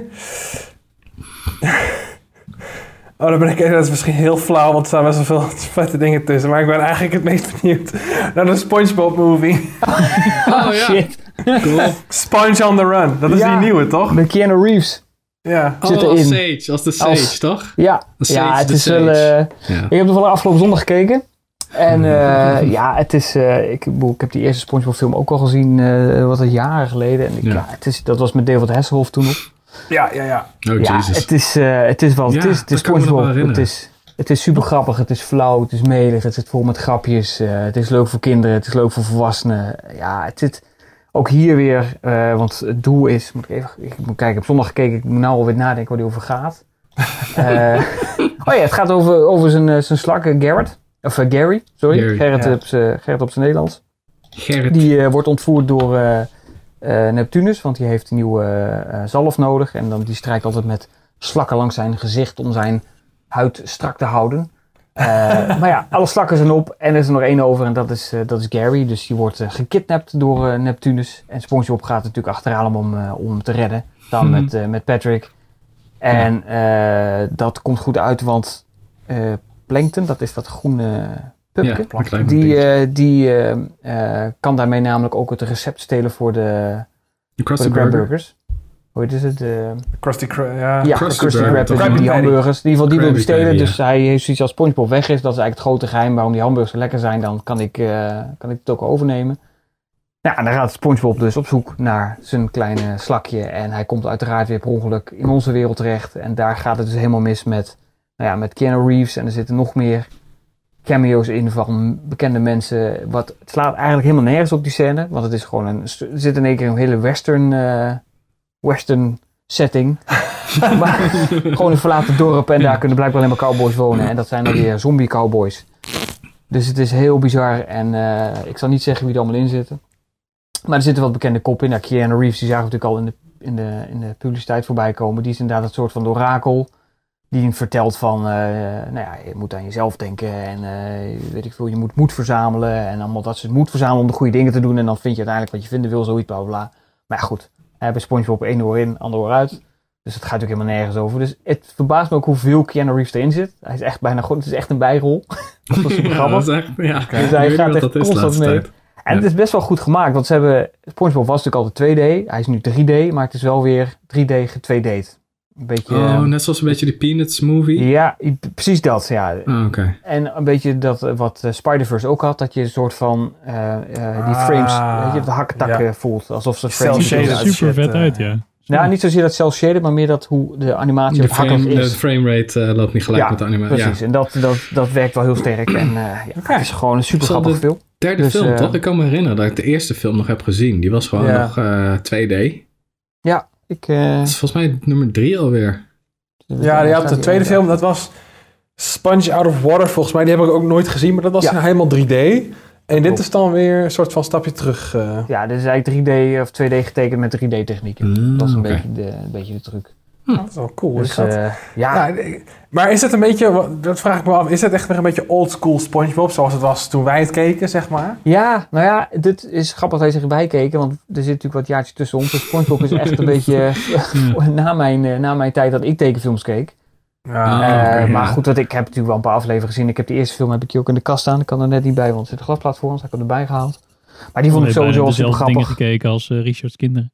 Ja, ja, ja. ja, nou ja, nee, SpongeBob was wel echt zeg maar een ja, prime het- eh, cartoon days voor mij. Precies, ik zat Ja, natuurlijk ik- wel in de popcultuur eh, referentie. Hè? Want ik had ook zo'n geel shirt waar alleen zijn ogen en zijn, zijn neus en zijn, zijn mond op zaten toen de tijd. Dus ik, daar ging ik wel in mee. En ja, ja ik, vond- ik, vond het, ik, vind, ik vond SpongeBob super grappig. Want een sponsje die leeft onder water in een ananas is al gewoon grappig. En als je Ja. daar ook nog Ja, precies. ja. Ook iets grappigs van weet te maken, dan is het gewoon super leuk. Dus ja, ik, eh, ja, ik vond het wel grappig. Het staat gewoon op Netflix. Dus eh, ik zou zeggen, kijk Oké, niet op. Oh, Dus als je natuurlijk SpongeBob fan bent. En zo niet, dan kun je hem ook kijken. Maar dus eh, Henk, het is beter dan Sol. Ik weet niet of dat jou ik nog helpt om... eh, SpongeBob een beetje onder, ja, Wat? onder het, hetzelfde geschaard als die vroegere uh, Cow and Chicken en zo. Oh man, dat was, mijn, dat was mijn shit, bro. Ja, ik kom gewoon echt niet inderdaad- tegen die humor. Dat vond ik gewoon helemaal niks. Dus ja, Oh. ik heb nooit SpongeBob gekeken.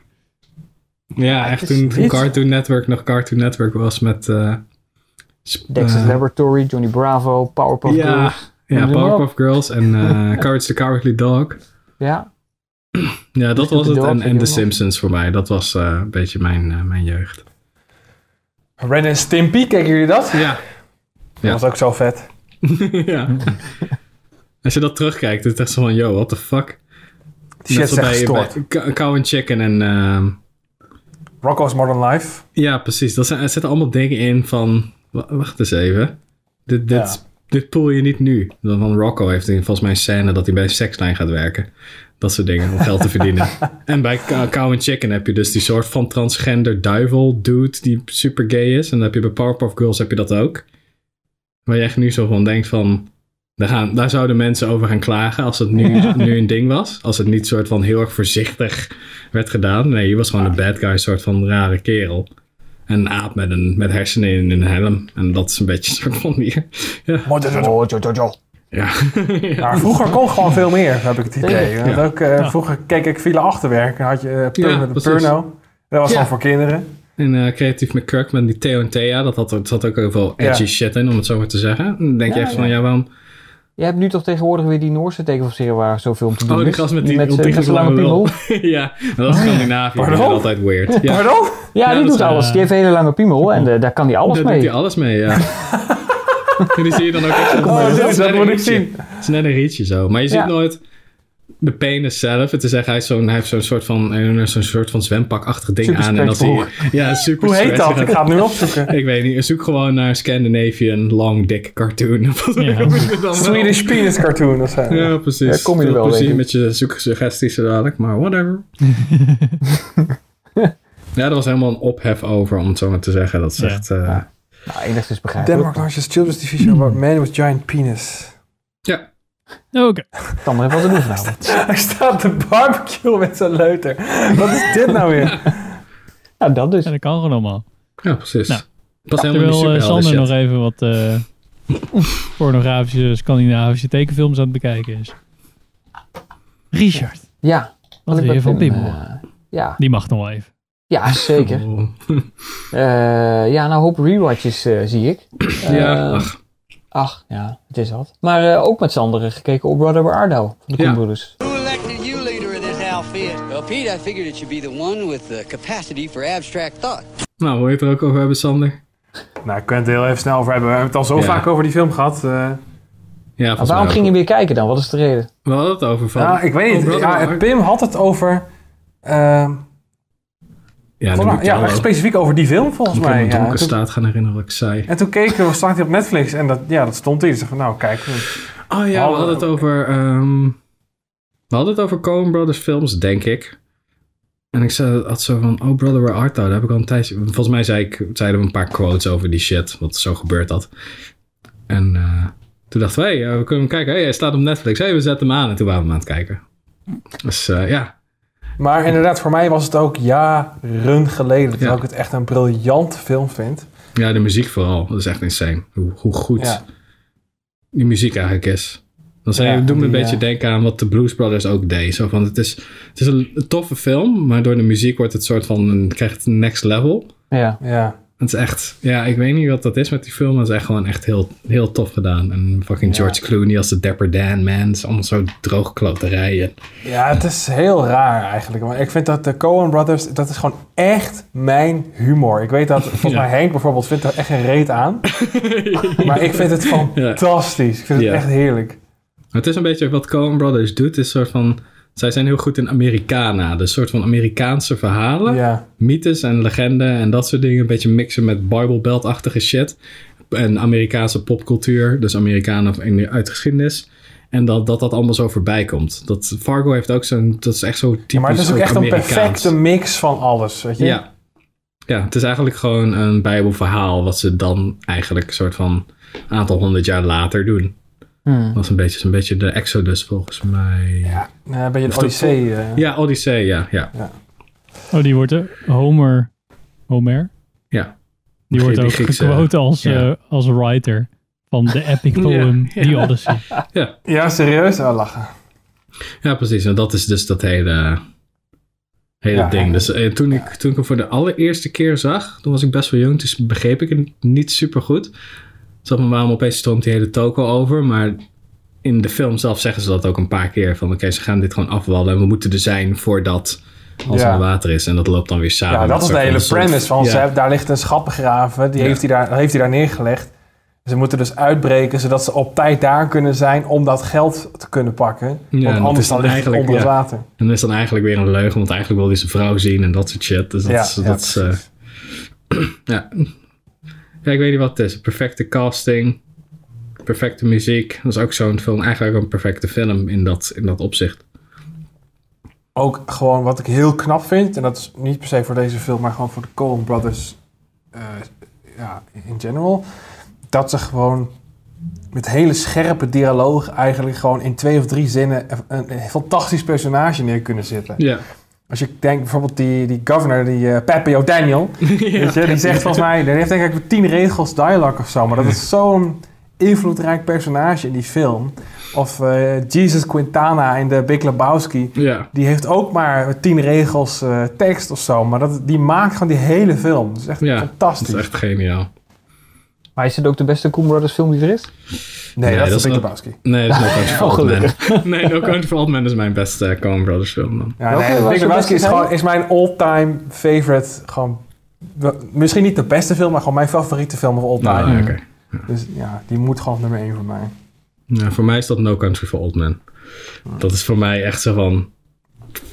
Ja, ik... Ja.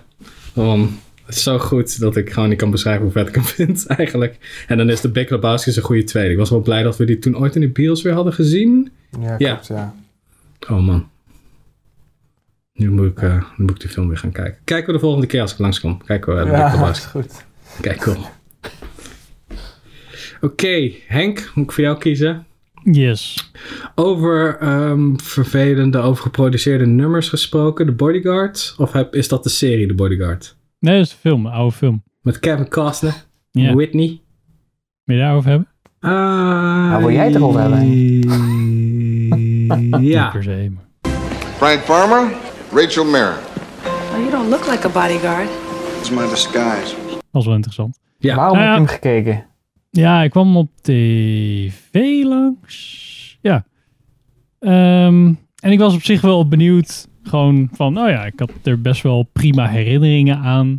Film uit 1992. We hadden volgens mij net het eh, het begin gemist of zo. Een paar eerste minuten, maar verder wel. Maar keihard geëdit die film, joh. Ik zat echt zo van, yo, had even een beetje filler in deze. Ze gaat, het gaat echt van de hak op de tak.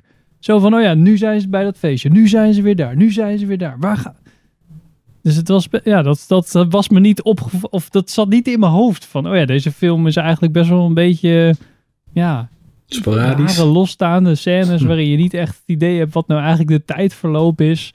En ja, da- dan opeens dan wordt ze, heeft zij, ehm, eh, dat hebben we waarschijnlijk gemist. Eh, volgens mij aan het begin wordt ze bedreigd en daardoor komt die Kevin Costner er dan bij. En wij kwamen binnen soort van, eh, toen hij gevraagd werd door een paar van die gasten van, hey, wil je dat toch dan even doen? Ehm, ja, Kevin Costner vind ik op zich wel cool. Ik vind Waterworld ook echt een hele coole film. Dus ja, Hm. ik ben... ik, ik zou zo Waterworld nog een keer kunnen zien en denken, ah, dat is een leuke film. Vet. Ehm, dus ik dacht, ah ja, Kevin Costner, vet. Laten we nog een keer kijken.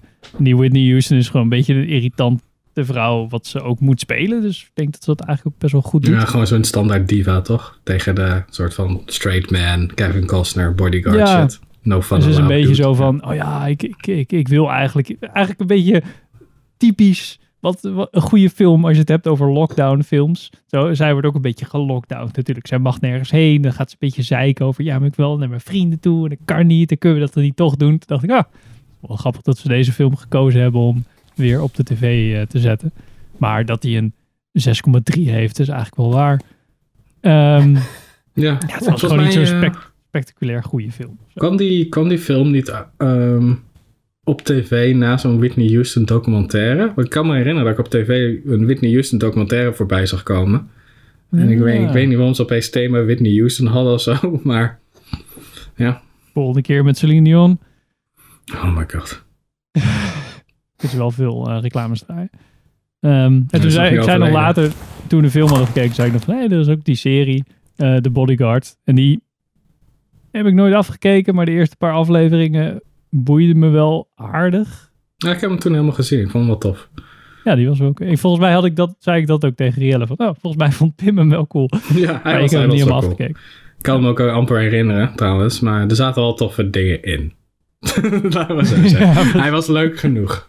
Zo'n Netflix, zo, het, het was wel aardig. Ja, ja, ja zo, oké. Ja, hij, hij speelt toch automatisch af, dus whatever.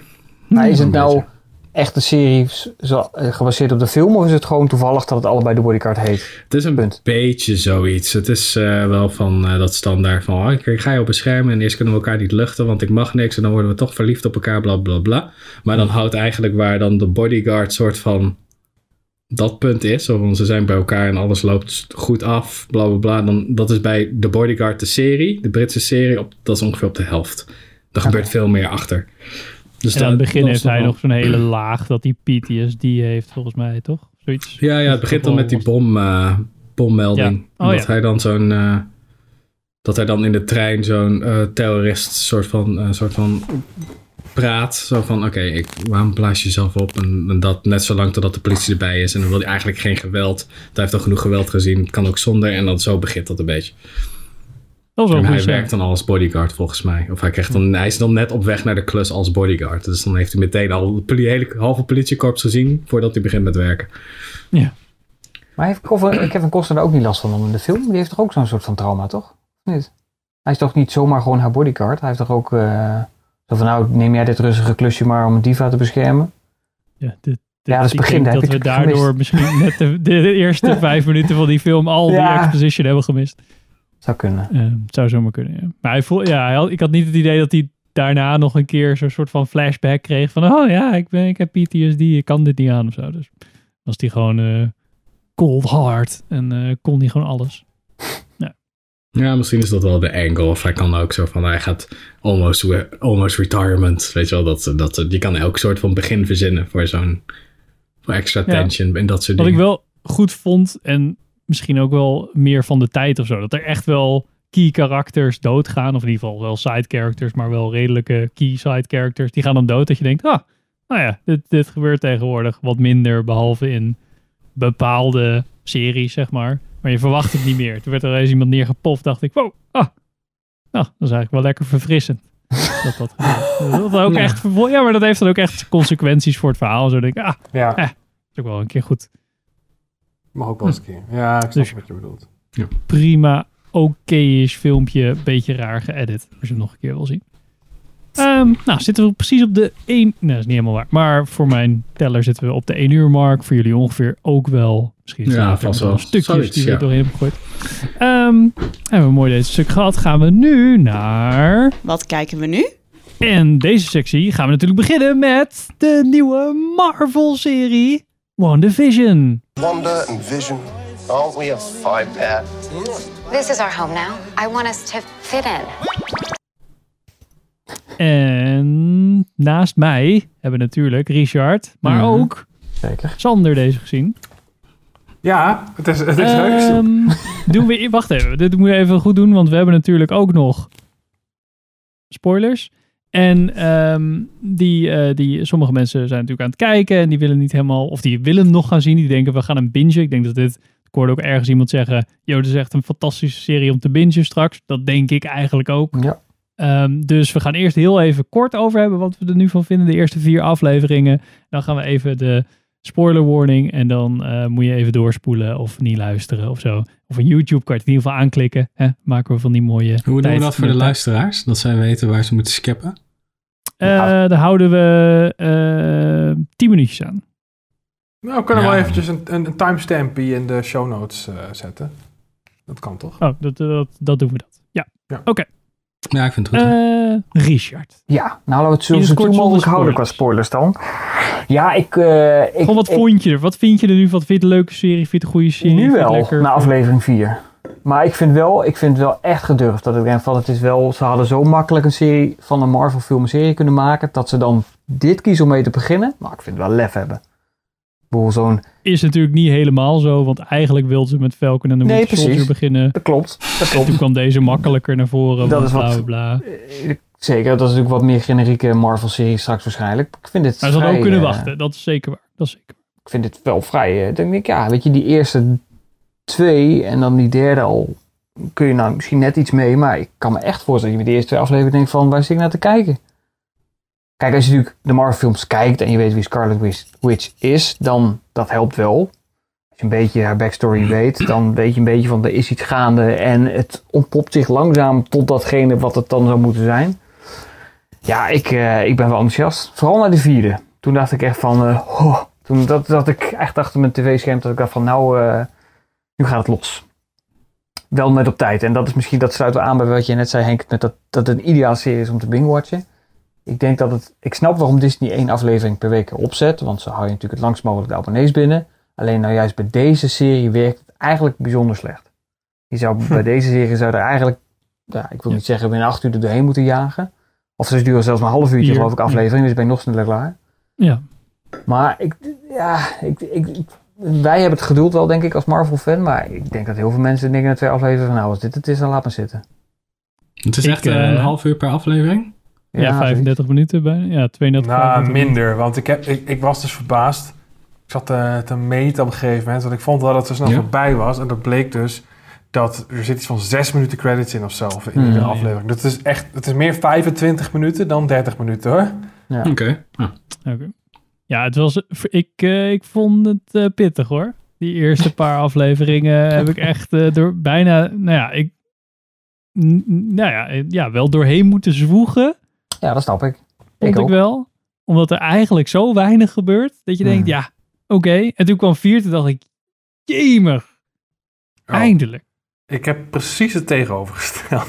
Oh. ik vond juist de eerste drie afleveringen heel tof. Omdat dat ja, heel raar was. En een soort van echt een antithese is van alles wat ik van Marvel gewend ben. Hmm. En toen kwam aflevering 4 en toen ging het toch weer wat meer, ja, je standaard, eh werd toch weer een beetje wat meer Marvel-achtig. En toen had ik dus iets van, ja, dat vind ik nou juist jammer. Er zat er ook, eh, zonder dan dingen te spoilen, zat er ook een bepaald personage in waar ik me ook echt groen en geel ergerde gelijk. Gewoon omdat ik het acteerwerk niet zo goed vond en het schrijfwerk niet zo goed. En ja, ik hoop dat het niet daarna nu zeg maar steeds meer dat wordt. Maar daar ben ik wel bang voor. Hm, hm, hm. Ja, maar ligt dat Oké. ook niet in die eh? Juist dat mysterie en niet weten wat er wat aan de hand is. Zeker ja. als niet Marvel-fan, ik heb geen flauw idee wat de backstory van Scarlet Witch is. Dus ja, voor mij is het allemaal een Je hebt verrassing. alle Marvel films gezien, bre? Ja, Ja. één keer. Zou ik voor, eh, ja, ik ook. Zou ik voor de spoiler dingen, zou ik gewoon vragen gaan stellen als niet-kijker. En omdat jullie Ja, ja, gewoon ja. alles vertellen tegen mij, want boeien. Nou, ik, ik moet zeggen, ik had dus in de eerste twee afleveringen, of de eerste drie afleveringen gekeken. Ja, de eerste drie. En toen dacht ik, oké, nu ben ik er klaar mee.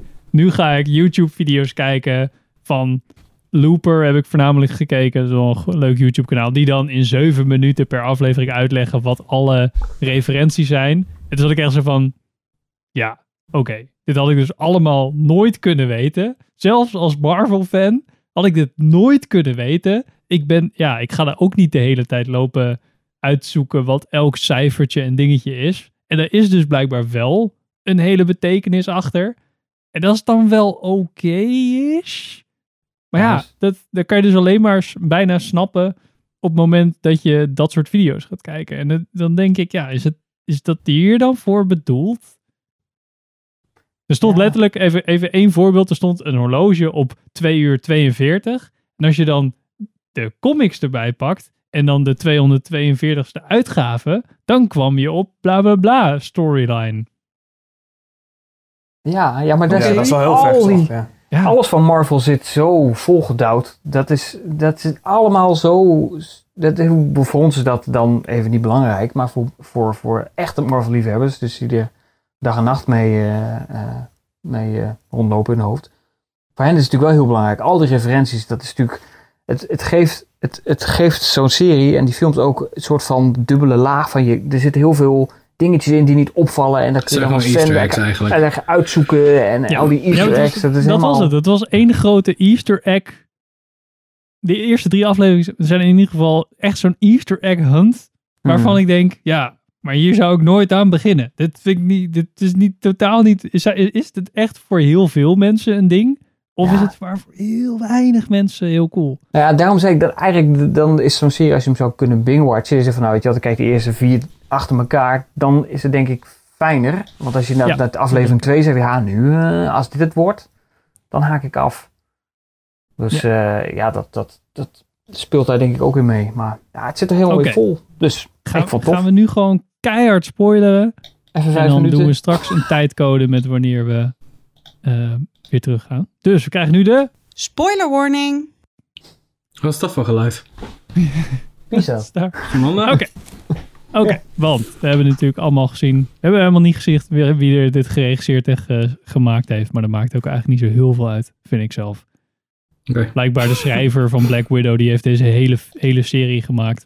Ja, oké, maar we hebben die film niet gezien. Dus we weten ook niet of zij er heel goed was. Of, Ehm, maar oké, de eerste aflevering was dus jaar, jaren 50. Mhm.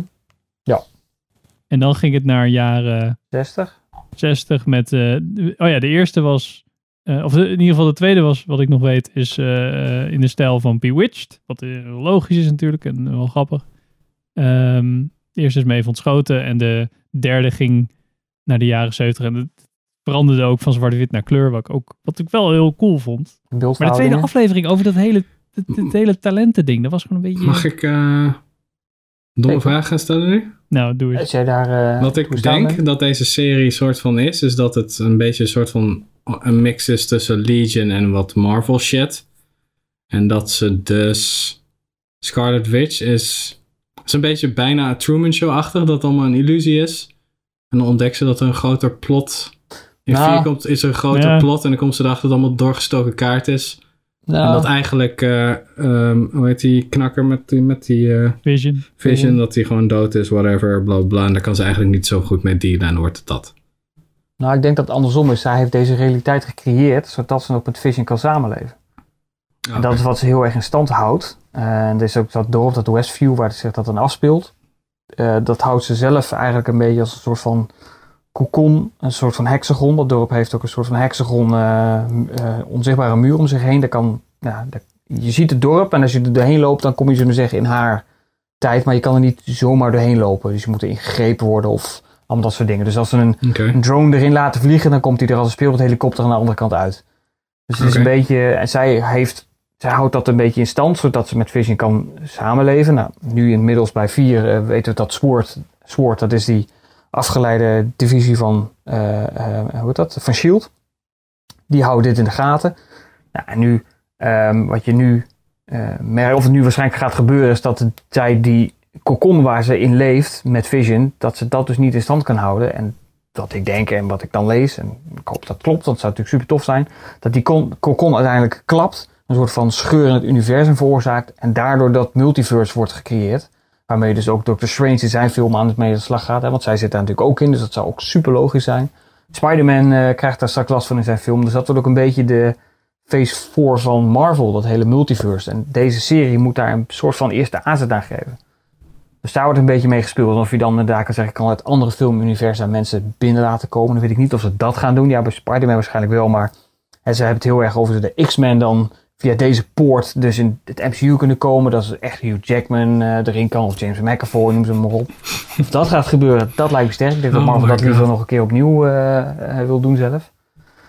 Maar daar, daar, daar zit het een beetje, of daar speelt de serie nu heel erg mee. En die eerste die afleveringen zaten die sitcoms, hè, dat de jaren 50, jaren 60, jaren 70. Mhm. En langzaam komen er dus de barsjes, barsjes erin.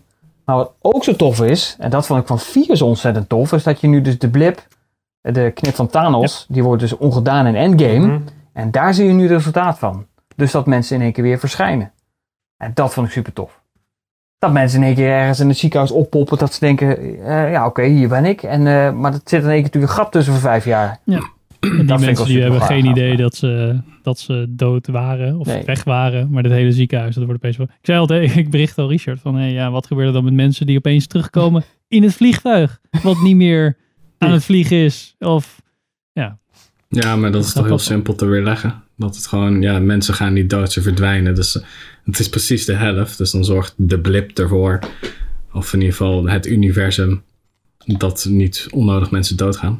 Ja, maar dat is niet waar. Want in Endgame, nee, in ehm, eh, Infinity War zie je die helikopter ook tegen dat gebouw aan crashen. Omdat de piloot verdwijnt. Ja. Ja, dus bepaalde stukken waar mensen terug zouden komen, die, dat bestaat dan niet meer. Dus waar, hoe komen die mensen dan terug? Waar komen ze dan terug? Ja, misschien midden in de lucht. Zo, dat zou lullig zijn. Ehm, ja, ik denk in het, ja, aan de ene kant dacht ik van, hey, heeft Scarlet Witch niet een of andere PTSD omdat ze dan Vision is verloren? Wat wel een beetje raar is, omdat ze dus wel gewoon bij de bruiloft of de, bij de begrafenis stond van eh, Tony Stark. Hmm. Ze, ze had nog meer scènes, of ze had in ieder geval nog screentime nadat dat was gebeurd. Dus het is niet zo van, Ja. hey, we weten niet meer wat Scarlet Witch is. Maar ze, ze praten daar nog gewoon met Hawkeye, volgens mij. Dus toen was het gewoon zo van, oh ja, dat is het erg. Dus het, is, ja, het was misschien beter geweest als zij daar niet had gezeten. Als ze nu helemaal zou flippen opeens. Ehm, ik vond het wel... Afle ja, voor mij maakte aflevering 4 het allemaal wel goed. Omdat ze elke keer teruggingen naar... Oh ja, deze aflevering, wat je net hebt gezien... Dat is voor de buitenwereld dit. En mensen proberen daarop in te gaan met oude tv's en zo. Dat vond ik echt wel... Ja, Ja. ik vond het echt heel leuk gedaan. Nou, om daar even op in te haken, Henk. Wat vonden jullie nou van dat meisje met die rode lippen met de tv? Want dat was echt een doorn Ja, in het oog. Dat was die Darcy van, eh, van. Thor natuurlijk. Ja. Uit die Thor-films is zij. Ja, nee, jullie misschien. Ik was die alweer vergeten, hè? Nou, bij deze is ze al- had die echte... Ze zat er al in hoor, toen die MCU.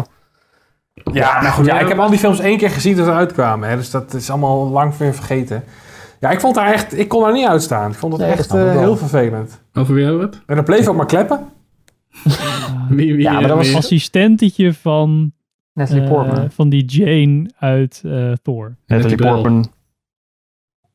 Die met die bril of zoiets? Ja, die met die bril. Oh, Ja, dat ze vervelend. ging dan ook allemaal van die- eh. Van die, Ugh. van die fucking pseudo-wetenschappelijke dingen ging ze dan dingen proberen uit te leggen. Die natuurlijk gewoon allemaal supernatural en, eh, en ja, dingen zijn die alleen maar in de film kunnen. Ja, heel, Hmm. ja, ik vond dat een beetje het mysterie. Zeg maar, er wordt, er wordt echt een soort van mysterie zo opgeblazen. Zo- Zo'n ballon wordt helemaal mooi opgeblazen in die eerste drie afleveringen. Van, dit is het mysterie, weet je. Kom met ons mee. En vervolgens in die vierde aflevering komen ze met zo'n punaise. Komen ze zo, Ja. ze prikken dat zo kapot. Ja, Ja, en dat dus vond ik gewoon heel jammer. Het is eigenlijk een slechte versie van Legion. Daar deed me de hele tijd aan denken. Die promo's had ik echt zo het is eigenlijk gewoon Legion. Maar dan... Ja, nou, het is, het is wel echt... Ja, bij Legion is het nog wel waar, maar is het gewoon een soort van... Of ja, Maar ik snap wel dat je stilistisch gezien zou je misschien wel een vergelijking ermee kunnen trekken. Maar dan is Legion is echt veel gewaagder. Dat is veel... eh, ja. Dat is veel Dit is gewoon, hey, ken je nog... Oh ja, de Dick Van Dyke Show. Dat was dan de eerste aflevering. Ja. Ken je de Dick Van Dyke Show? Oké, dat gaan we doen. Oké, ken je Bewitched? Oké, dat gaan we doen. Ja. Dat is, ja... En dat was bij de tweede aflevering, dacht ik al van, ja, is dit... Is dit het? Oké, leuk dat zwart-wit is en zo, maar verder... Ja. Nou ja, ik ben, wel, ik ben wel benieuwd. Omdat het zulke korte afleveringen zijn, eh, Hmm. denk ik wel dat ik gewoon ga kijken in ieder geval het eerste seizoen. En dan zie ik wel of ik het... Nou, eh, dat is leuk inderdaad vind. dat nadeel wat jij aanstipt met Sander. Het gaat wel in die vierde aflevering wel in één keer heel snel. eh, hoe ze de boel ontrafelen, om het maar even zo te zeggen. Het gaat in het begin nog redelijk mysterieus. Hè? Als hij natuurlijk bij dat dorpje staat, dat ze denkt van... hé, hey, kan Ja. ik er nou in, kan ik er nou niet in? En dan in één keer erin gezogen wordt en nou ja, allemaal dat soort eh fratsen. Maar daarna gaat het wel heel rap. En dan komen ze heel toevallig dat inderdaad de juiste persoon weet hoe ze met eh lengtegolven, golflengtes moet werken. En dat ze denkt van, hé, hey, ik ga eens oude televisie proberen. En dat is, dat eh, denk ik, eh, net iets... had, had dat dan uitgesmeerd over drie kwartier of zo, weet je wel. Ik had ook stiekem de hoop dat die aflevering wel iets langer zouden duren. En in het begin denk ik, nou, dat is ook echt sitcom-lengte. Dus dat klopt wel zo'n beetje. Ja, van die meta Ja. shit, ja. Alleen, Nou, ik had wel verwacht dat het misschien dan, net zoals bij The Mandalorian, Ja. waren toch ook wel een paar Ja, afleveringen een paar korter. afleveringen langer en Ja. korter, ja.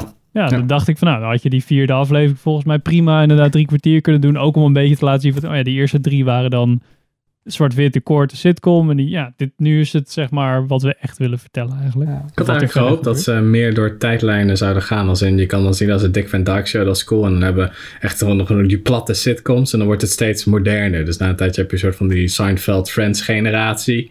Ja, die komt dat dat-. Ja, dat zit er ook wel in hoor. Dat lijkt er wel op te gaan hoor. De- Of ze, of ze gaan in ieder geval nog, wat je in de promo ziet, dat ze nog een soort van verkleed dingen hebben. Dus dat ze de oude kostuums uit de series Ja, de comics. aan hebben. Wat op, eh, wat op zich, of eh, comics, ja. Wat op zich wel weer ook een beetje lijkt op een soort van Halloween kostumen. Dus ook een beetje doen alsof. Wat weer Ja. op zich wel weer in de verhaallijn goed ja, bij, bij erbij past. Ja, precies. Dat- Oké, dan had ik het wel een beetje... Oké, daar ben ik soort van wel blij mee. Want ik had dat soort van gedacht... Oh, dan wordt het eigenlijk de hele tijd... Fout het op zichzelf in de hele tijd. En dan heb je als kijker de hele tijd de vraag van... Ja, maar waarom... Wie doet dit? Waarom doet ze dit? En hoe, hoe, hoe ziet de buitenwereld eruit? Dat soort, Ja. dat soort gedoe. Maar Ja, dat, dat weet je dus al in de vierde aflevering. En Oh, nu oké. denk je eigenlijk nog van... Oké, maar waarom dan? Mm. Dat ja, snap ze- je enigszins wel, maar misschien is voornamelijk de vraag... Is ze echt gewoon doorgedraaid?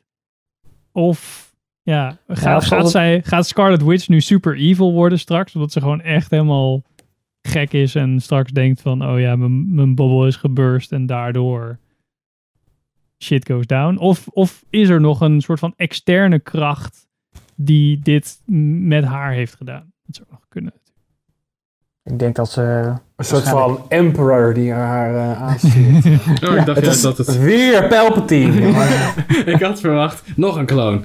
En ik had juist Ja. verwacht dat het eh, meer van... Oh, de Watchers zitten haar te bekijken. Een soort van, een soort van experiment. Om te kijken Mm. hoe, hoe we Ja, het beste haar kunnen, haar kunnen aanspreken. Want we hebben haar krachten nodig voor iets. Zoiets. Misschien kan het die kant op gaan. Maar ja, ik wacht Ja, gewoon lekker ziet- tot die shit afgelopen is. Ik kijk het in één keer. Dan ben ik na een Ja, paar uur klaar. En dan... Ja. Als ik het nog Wat- ga kijken Wat ik op zich wel mooi vind, maar wat ook wel weer jammer is, want dat laat heel erg zien waar ze nou eigenlijk op doelen is. Dat op een gegeven moment zie je dus Vision lopen, maar dat is dan de Vision die dood is gemaakt door Thanos. En die zegt zij van, oh nee, en dan kijkt ze even weg en dan kijkt ze terug en dan is het Ah, de cool. echte Vision, zeg maar, de levende Vision. Wat op zich Ja. wel een cool effect was, maar ook wel gelijk heel erg laat zien, zeg maar, welke kant je op wil. Dan dacht ik van, nou ja, is dat, was dat shot nodig, zeg maar. Dat, dat, dat maakt die hele illusie nu al wel een beetje kapot, zeg maar. Nou ja, zoals op dat moment door de war van alles. Hè. Dus op zich dat ze zullen we zeggen, een storing krijgt in haar perfecte wereld. Dat is op zich wel Ja, logisch. ja, maar de- dat weet, ja, dat zien we dan ook gelijk. Mhm. Wel, dat ook een iets meer, misschien nog een iets, iets meer glitch kunnen zijn. Net zoals dat ze iets ziet en dan weer toch een soort van terugspoelt. Dacht ik, van, oh ja, dat is wel eens van, ja, ik weet nog steeds niet wie dan spoelt of wie het dan doet. En nu ja, zit je wel heel erg gelijk op haar van, oké, blijkbaar controleert zij dit. Ja. ja. Maar het is wel een, echt een weirde serie. Dat Ja. is- Gewaagd. Nou ja, waar ik dus wel- heel erg bang voor ben, is dat dus de eerste drie afleveringen heel weird zijn en dat de rest eigenlijk wel meevalt. Hmm. Dat is een Ja. beetje mijn vrees nu. Ja.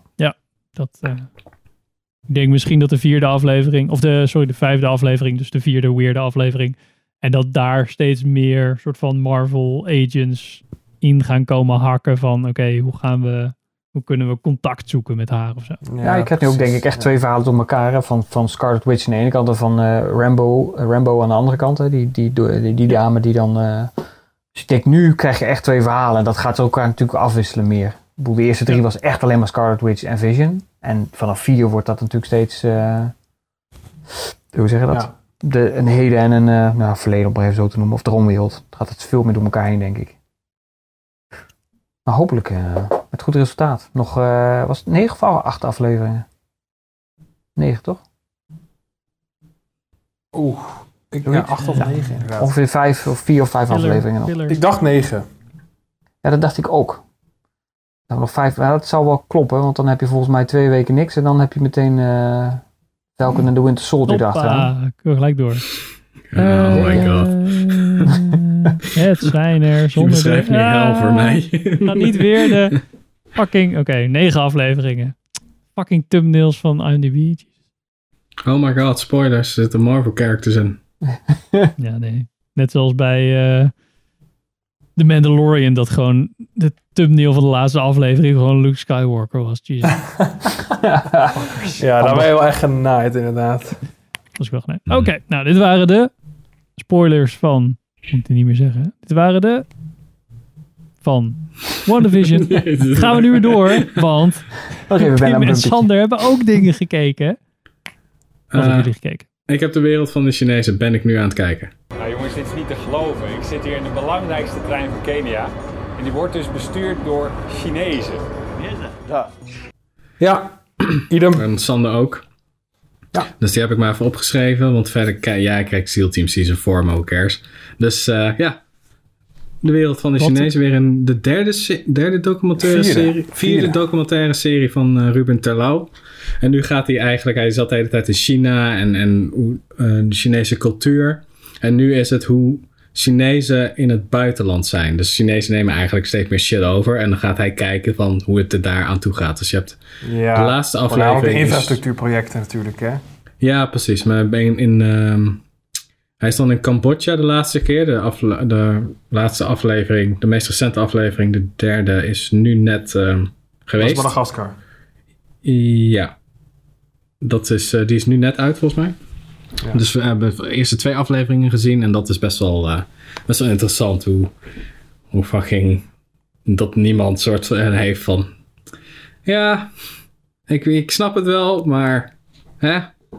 het is een beetje altijd een soort van raar evenwicht. Van oké, we willen wel de technologische vooruitgang in ons land. Maar dan hebben Chinezen eigenlijk alles in handen. En dan ook hoe de propaganda van China gaat. Van, oh nee, het is echt geen kolonisatie hoor. Want het is, eh, jullie kunnen er ook van genieten, dat soort shit. Maar het is eigenlijk, je hebt het niet meer nodig. Want het is de technologie. Dus het is, het hoeft niet eens meer. Het is, eh, ja, best wel interessant. Gewoon eh, de Ja, eerste is, aflevering. ja. Maar kijk je dan naar de Chinezen eh, of is het dan echt van hij kijkt een land en dan wat de invloed van China is op dat land? Nee, hij gaat Ja. letterlijk, ja, praat letterlijk met de Chinezen daar. Van oké, waar zijn jullie mee bezig? En dan praat hij met de bevolking. Van, en hij kan perfect, heel goed Chinees, laat maar zo zeggen. Dus hij kan op een bepaalde manier, hij kan heel makkelijk ehm soort van praten met de Chinezen. Omdat soort van China vindt soort van de westerse man, de soort van blanke man, vinden ze ongeveer gelijk met hun staan. Of iets, daar kijken ze soort van tegenop. Daar hebben ze bewondering voor. En terwijl ze eigenlijk keihard neerkijken op alle andere rassen. Dus hij kan heel makkelijk, die Ruben kan redelijk makkelijk een gesprek aangaan met die Chinezen en zo. En die praten dan redelijk makkelijk over waar ze eigenlijk mee bezig zijn. En voor hun is dat zo normaal. Terwijl je als kijker soms iets hebt van, ja maar what the fuck. Van, oké, dus eigenlijk mogen de inwoners van het land, dan hebben ze een trein in Afrika aangelegd. Een, trein, een spoorrails en dan een draait er een trein. Op tijd. Dat, was, dat is het grootste wonder daar. En dan zitten alleen maar Chinezen eigenlijk achter. Die zijn machinist en conducteur en zo. En dan zei ze, ja, maar mogen alleen maar Chinezen dat eh, dan doen? Ja, ja, ja, eigenlijk wel. Waarom? Ja, gewoon die weten hoe het werkt. Ja, maar kan je dan niet iemand opleiden ervoor? Ja, daar zijn we mee bezig, maar er moet altijd wel Ja. iemand meekijken. dat soort shit. Weet je, altijd, altijd zo. Van, en in Haven hebben ze dan ook een speciaal zender. zender ja, hebben ze bij iedereen tv aangelegd die dat wilde hebben. En dan kan maar één zender kan je dan ontvangen. En dat is dan zo'n China netwerk. En dan heb je de hele een propagandakanaal, Een ja. propagandakanaal. Dat is wel eh, echt in zo'n dorpje is dat gewoon heeft, heeft iemand een tv. En die kijkt dan de hele tijd die Chinese eh, programma's. En Ja. eh, Sander, hoe verhoudt dit of deze dan met de vorige? Is het beter? Nou ja, wat, wat, wat Pim al zei inderdaad, want de vorige waren natuurlijk echt in China. En daar legde hij natuurlijk ook al wel de, nou ja, gewoon de, de maatschappelijke issues die daar natuurlijk aan bod komen. De, ja, het is allemaal heel lichtvoetig, maar ja, ja, je mag daar natuurlijk het regime Ja. tegen de schenen trappen. Want anders dan komt hij er nooit meer in en dan kan hij geen documentaires meer maken. Dus, Ja.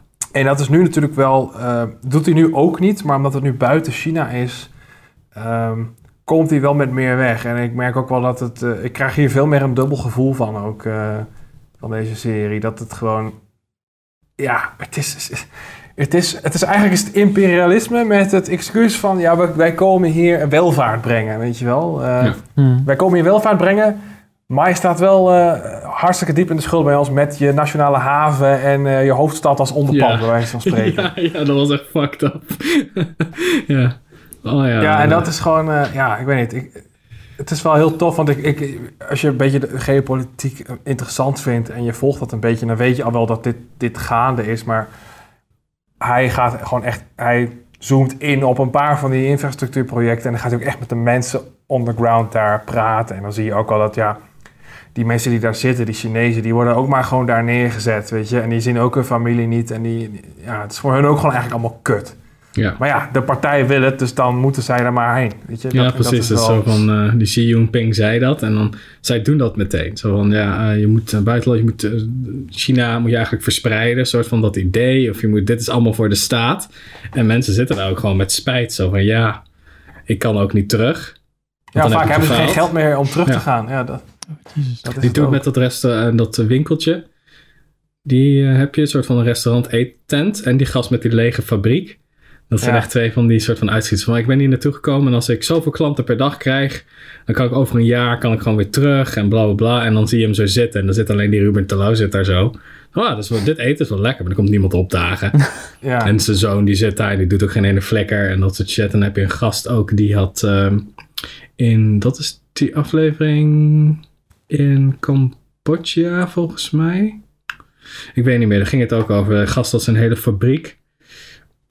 Eh, met, Katoenfabriek. eh, ja, katoenfabriek. Dat was in Madagaskar. Ja, in, ja, in Madagaskar. Oké, de laatste, dan is de vierde net uit.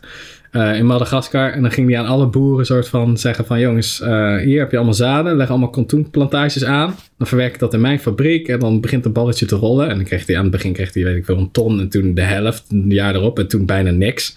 En dan hebben ze het allemaal een beetje laten vergaan en zo. En hij zit letterlijk met een lege fabriek. Met een vriend van hem. Dus twee mensen op een huge terrein. En dan zitten ze daar een beetje soort van... Ja, ik, als, ik dit, als ik ga, dan wordt het allemaal gejat. Dus dan ben ik fucked. En ja, als ik blijf, er komt helemaal niks. Dus ik ben sowieso fucked. Dus het is echt zo'n que- catch-22. Dus zit gewoon ja, de, de, ja. de hoop is natuurlijk ervan, als hij dan blijft, dan is er misschien ooit nog achter de horizon van Ja, misschien dat, dat, eh, er dan toch, ooit wel katoen komt. En dat is het een beetje. Ja. heel triest, heel triest. Ja. Ah, eigenlijk is de, de moraal van dat hele verhaal is dat gewoon eigenlijk niemand er baat bij heeft. Het is voor iedereen kut, behalve dus op geopolitiek niveau heeft China er gewoon baat bij. En dat, dat is eigenlijk waar het op neerkomt. Ja, die kunnen gewoon dreigen met de stekker ergens uittrekken. En dat dan mensen denken, ja, hallo. Dat soort dingen. Dus dan heb je ook soms, dan zeggen die Afrikanen, die zitten dan in die trein. En, die, en dan vraagt Ruben Terlouws van, ja, maar wat, wat vind je hier nou van? Waarom vind je dit... Ja, eigenlijk, eh, we vinden dit... Aan de ene kant is het goed, want er is eigenlijk een trein die op vaste tijdstippen rijdt. En niet wanneer de conducteur zin heeft. Dus dat is relaxed. Dus we komen ergens. Dus, het, dus we hebben eindelijk een soort van maatschappij waar wat op, letterlijk op gang komt nu. Maar niemand heeft het ons gevraagd. Dus de overheid heeft het gewoon een soort van ons land verkocht aan China zonder dat we het doorhebben. Het is een beetje een soort van, ja, het is heel goed bedoeld, maar er zit een soort van, ja, dus je, je voelt gewoon dat iedereen doorheeft dat er gewoon een andere agenda achter zit, maar niemand wil het zeggen. Maar als je zo'n zo'n documentaire reeks maakt, dan ben je denk ik ook niet meer welkom in China, heb ik het idee. Of men ligt een beetje aan hoe je het Nou, hij doet het heel strategisch. Hij, laat het Ja. gewoon, hij laat het gewoon echt allemaal voor zichzelf spreken. En dat, dat doet hij gewoon heel slim. Ja, hij stelt omdat, het is een beetje Louis ja. Theroux-achtig. Ja. Hij, hij- omdat Mm. hij, gewoon, hij spreekt die taal heel goed.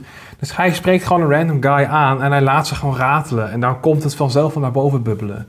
Ja. En, nou ja, hij, gaat, hij maakt niet, en het is ook niet met, eh, er zit wel een voice-over in.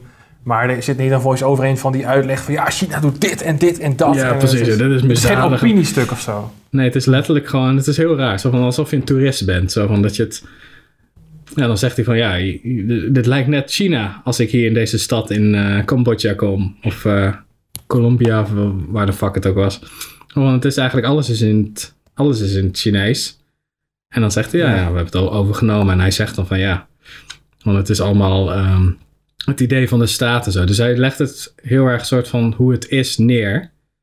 En dat is, ja, je kan gewoon als kijker zelf al gewoon, zie je gewoon zo van ja, dit, dit is niet helemaal, dit is niet helemaal goed. Ja. En dat deed hij ook in die zijn vorige series, deden dat ook gewoon. Je kan gewoon de hele tijd soort van, als, hij, hij knipoogt nog net niet naar de camera van kijk, dit klopt toch niet? Dus dat doet, dat doet hij heel slim inderdaad.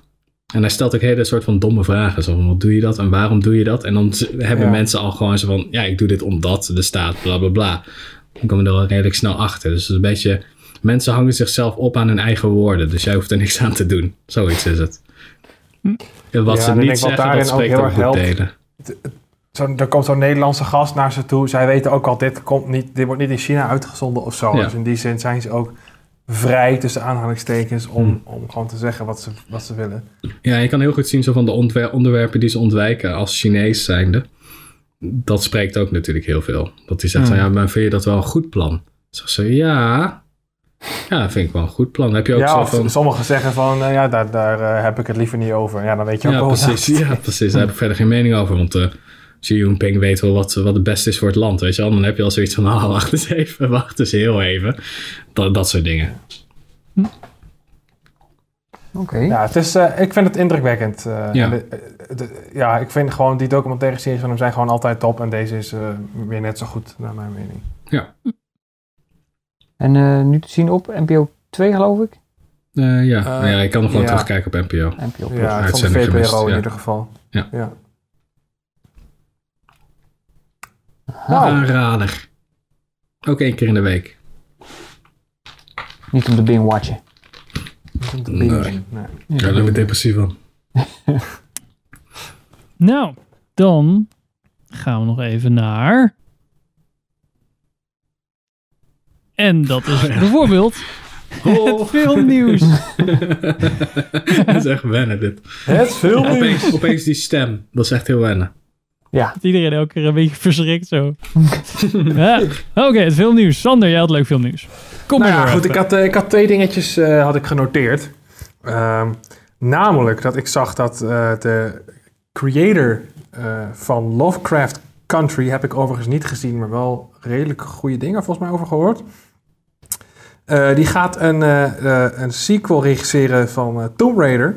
En ook schrijven. Yes. En ik dacht, we hadden het er volgens mij vorige keer... of de keer daarvoor Mhm. hadden we het er toevallig over... van of daar nog een sequel op zou komen... met eh, oh ja. de Tomb Raider reboot met Alicia Vikander. Nou ja, dat is dus inderdaad zo. Er komt een nieuw aan. Maar hij stond volgens mij gesleept voor dit jaar. Nou, dat gaat hem dan sowieso niet meer worden natuurlijk.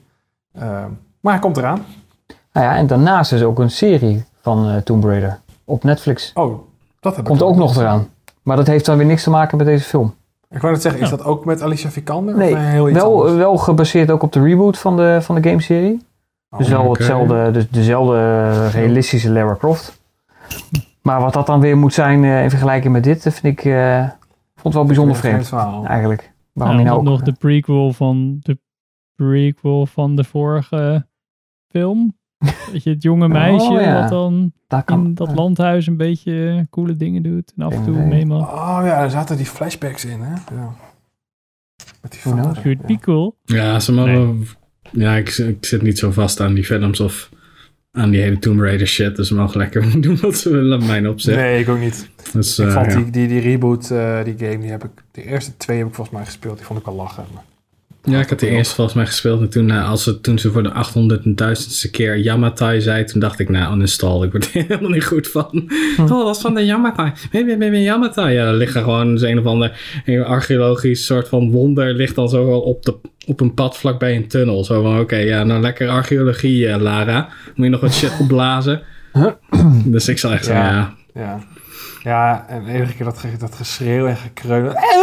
Ja, het was was echt zo van, jezus, dat is echt van die torture porn shit. Het leek wel of het een Saw game was, man. Oh, dan breekt ze weer dit. Oh, dan komt er weer een steen tegenaan. Dan st- staat ze weer in de fik, verdrinkt ze bijna. Stort dat vliegtuig weer in. Ik zit echt zo van, ja, hallo. Kan ze ook gewoon een beetje... Ik snap dat ze een, een soort van de toon willen zetten van dat zij zichzelf moet, omhoog moet kruipen. Dat zij niet meteen de, de coole chick is met de twee HK's die zo iedereen, iedereen afschieten. Maar kom op, man. Je kan ook gewoon, kan ook gewoon martelen. Dat was echt wel het begin, dacht ik echt van, pff, jezus.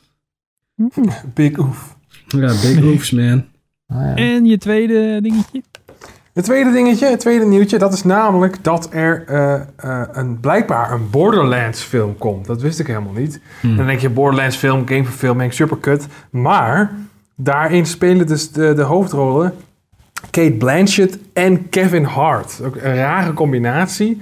En het wordt geschreven door eh, Craig Mazin, die we kennen van HBO's Chernobyl.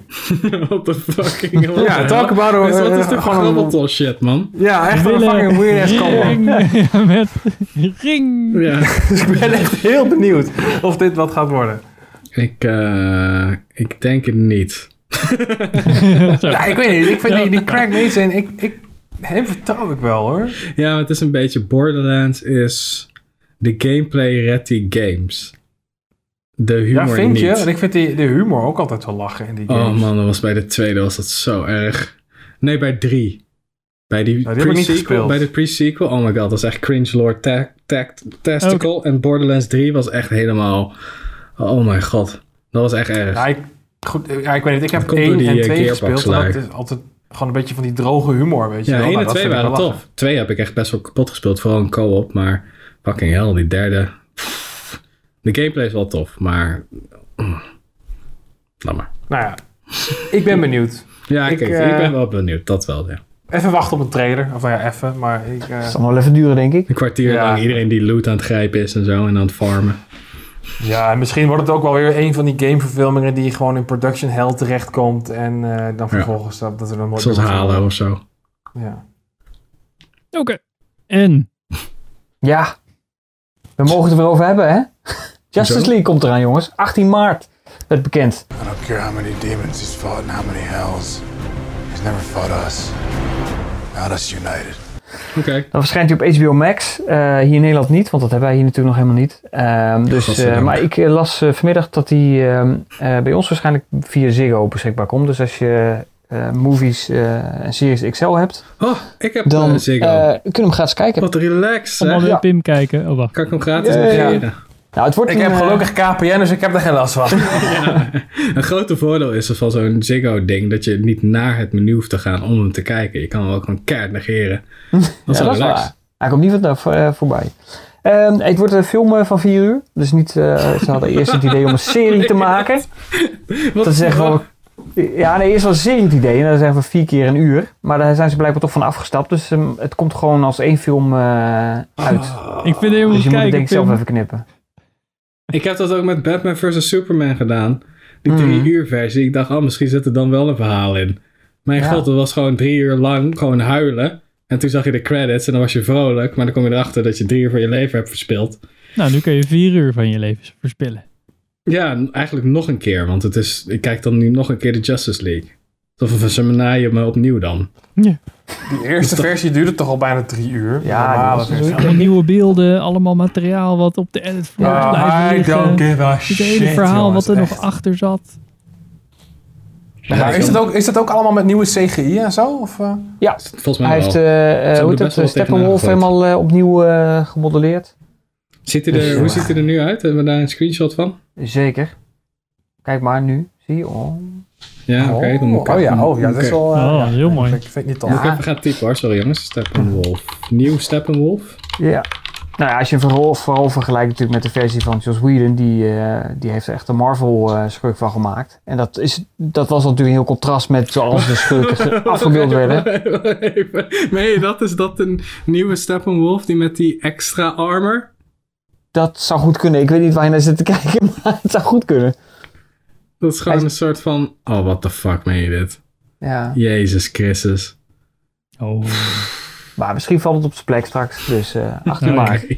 Gaat zien. Ja. Weird. Oké, nou, Nou, dan gaan we door je, met onze... Je, je krijgt wat je verdient, laat ik het maar zo zeggen. Ik zit ook te kijken welke audio stukjes we hebben van... Heb je een aankondigingstukje? Nee, we hebben geen aankondigingstukje. We hebben zelf een aankondiging. Jongens, Oh. we zijn bijna vijf jaar. Vijf jaar lang doen we dit al bijna. Filmers. En daarom dachten wij, waarom doen we niet als vijf jaar filmers is. 30 maart, weet je nog, The Revenant. Doe nog even een stukje hoe awkward dat was. Hallo allemaal en welkom bij een nieuw... Wat? Nee. Sorry, ik zat echt zo. Ik verwacht het niet. Sorry. Oh, dat was awkward. Nou, En, uh, toen- dat we bij jou hadden gegeten en zo, dat was de eerste keer. Precies. Toen Helemaal, begonnen we eh, ja. met de podcast. En nu vijf jaar later zijn we er. En toen dachten we, als we dat nou net zo cool doen als hoe we vorig jaar hebben afgesloten. Dat we gewoon weer een filmers filmquiz gaan doen. Allemaal leuke mensen die mee gaan strijden. En natuurlijk Niels, want die moet nog steeds meedoen voor de eer. Ja. Als filmers filmlore gast. reigning champion. Dus we Eerste kandidaat is al bekend. op 30 maart 2021 gaan wij weer een verjaardags Filmers 5 jaar filmquiz organiseren. En wees er allemaal bij. Doe lekker mee. Je kan weer meedoen. We gaan weer allemaal leuke dingen verzinnen. En leuke kandidaten erbij halen. gaan we allemaal nog bedenken. Maar zet het vast in je agenda. Niet met potlood, pleasure. gewoon met pen. Gewoon oh, krassen. Gewoon met de viltstift. Fit Maak een- stilt- Marcus, dude. Film, filmquiz nummer 4. Vijf jaar. Welke dag Wordt was 30 vet. maart eigenlijk? Geen idee, maakt me niet uit. Oké. De woensdag. Woensdag? Woensdag. Een dinsdag. 30 maart, toch? 30, ja. Ja, dat is dan een dinsdag. Dat mag Nou. ook. Nou, in ieder geval 30 maart. Ja, Oké. Nou, als het lockdown is en iedereen werkeloos, dan heb je alle tijd van de wereld natuurlijk. maakt geen Oké, nou gaan we nu naar... Ho, ho, ho, ho, ho, wacht even, wacht even, wacht even. Kijkersvraag. We hebben nog een Ik nieuwe heb, ik, heb, onderdeel. ik, ik heb nog iets wat, Oh. eh, wat, wat staat niet in het dokje, maar ik heb nog een klein nieuwtje. Namelijk, luister allemaal deze week naar de Filmfans podcast. Want daar is je, je local Je filmer boy, je is boy daar Sander. gast. Eh, dus ja, als je dat leuk vindt, luisteren. Oh, cool. En waar ga je het over hebben? Mogen we dat al weten? Eh, nou, ik weet, ik weet niet of ik dat eh, zo mag zeggen. Ik denk, ja, gewoon veel nieuws. Wat zij altijd doen eigenlijk, hè. Dikke vette Dus, eh, NDA. Wat je, wat je gezien hebt. En, eh, en nou, dat zal enigszins overlappen, denk ik, met wat we hebben besproken. Hier al. En eh, gewoon een aantal filmnieuwtjes. Ik heb een dokje eh, doorgestuurd gekregen met allemaal dingen die wij nog niet hebben besproken. Dus eh, Ja, je aan de bak. Vette crossovers. yes, zeker. Nice. Gaan we dan nu Spannend. naar... Oké, ik weet niet of ik die heb. Gaan we nu naar Een vraag van een luisteraar. dat. En de vraag van de kijkers was deze Ja. keer... Deze keer, alsof we het vaker gedaan hebben. Ja, ja. Nee, we hebben voor het eerst inderdaad een oproepje geplaatst op Instagram om te kijken van, hebben mensen misschien vragen aan ons? Dat ze denken van, dat heb ik altijd willen weten van filmers. En dan kunnen we dat nu beantwoorden. Dachten we. Dus, we hebben er wel geteld twee binnengekregen. Dus, Zeg dat nou niet. is We er hebben Heel twee veel uit- binnengekregen. Gewoon, Oh, nee, we hebben er twee uitgekozen. Jezus, je kan, ook gewoon, knip, je knip, kan ook gewoon roestige mes gaan draaien, Richard. Fucking hell. Jezus. ja, maar dan kun je een beetje opbouwen, hè. Twee en dan vol. Nou goed, ook verder We uit. Het staan, begin is we staan al vijf jaar, Richard. We Ja, dat- hebben het net gezegd. Ja, dat is waar, dat is waar. In. Maar we hebben een nieuw item, hè. Zo is het ook weer. Ja, is goed. Precies. zo is het ook.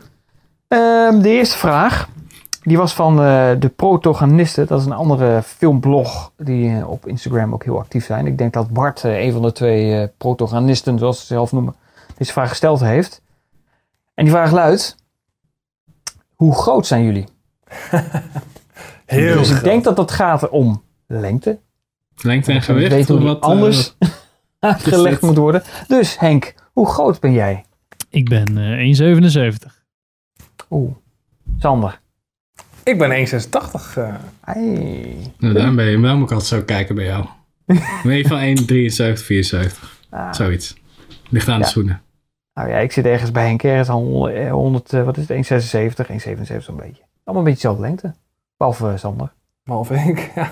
De jongste is er. Terwijl ik de jongste ben, hè? Ja, ik heb precies. gewoon goed met spinazie gegeten vroeger, jongens. Maar je bent gewoon vol van die hormonen gedrukt met wat eh, goedkope vlees. Omdat het eten opraar ook door. Oh ja, precies. Ehm, en dan door naar de volgende vraag. Die kwam van eh, ons grote vriend Ruud natuurlijk, van eh, de Duimpje Worstelen podcast. Die had een eh, wat meer filmische vraag, of in ieder geval, los van. Ehm, want hij vroeg aan ons, wat is jullie favoriete documentaire? En hoeft er niet per se filmgerelateerd te zijn, mocht het wel. Maar als je nou zegt van, ik kijk graag een documentaire, welke is dat dan? Ja, we hebben het net natuurlijk al eentje, eentje besproken. Dat was die van, over, over de Chinezen. Wat? Maar ja, Oké. Dan Sander. begin gewoon mijn eerste. Oké. Sander, wat is Ja, jouw... eh, Ik, eh, ja, ik vind Oh ja, sorry. Ik, even, ik, even tussen, ik, ik negeer inderdaad Pim's en Free Solo. Helemaal, excuus. Ik heb speciaal voor deze vraag gekeken. Ja, nee. Oh, oké. Nu toch Dus al dat is jouw antwoord ook gelijk? Ja, die heb ik opgeschreven. Want eh, ja. Ja, nou, goede keuze toch? ja, ik kon tussen twee, drie kiezen. Dus ik denk, ik neem deze. Oké. Ja, goed. Sander, je hebt een eh, ander dan de wereld van de Ja, ja, voor mij, nou inderdaad, die, die, die Ruben de dingen zijn heel goed, dus die zou ik iedereen aanraden. Maar mijn favoriete docu, ik heb gewoon even gedacht van ja, welke documentaire vond ik nou echt zo vet dat ik er meerdere keren heb gekeken. En dat is voor mij eh, een documentaire over Scientology, de, ja, de secte of, of kerk of hoe je het ook wil noemen uit, eh, uit Amerika. Ehm, die is uitgekomen in 2016 volgens mij van HBO. Die heet Going Clear, Scientology and the Prison of Belief. En eigenlijk, eh, ja. ja. wat ik heel tof vind, is ah, die film is eigenlijk twee delen. Zij, de eerste helft wordt echt gewoon heel grondig uitgelegd. Wat is Scientology? Waar komt het vandaan? Wat is de geschiedenis? En ja, hoe zit het hoe zit het in elkaar? En dan vervolgens dan pikt het eigenlijk op ongeveer halverwege eens en van ja, wat, wat is nou eigenlijk het probleem met Scientology en waarom is het zo fucked up? En de rol die Tom Cruise erin speelt, dat is natuurlijk de, een van de meest bekende Scientologists. En ja, het is gewoon, de pacing in die film is gewoon zo goed, omdat het allemaal zo bizar is en zo, dat hij gewoon, je zet die documentaire aan en het is gewoon ineens is het twee uur later en dan zeg je van, oh, what the fuck heb ik nou weer gezien?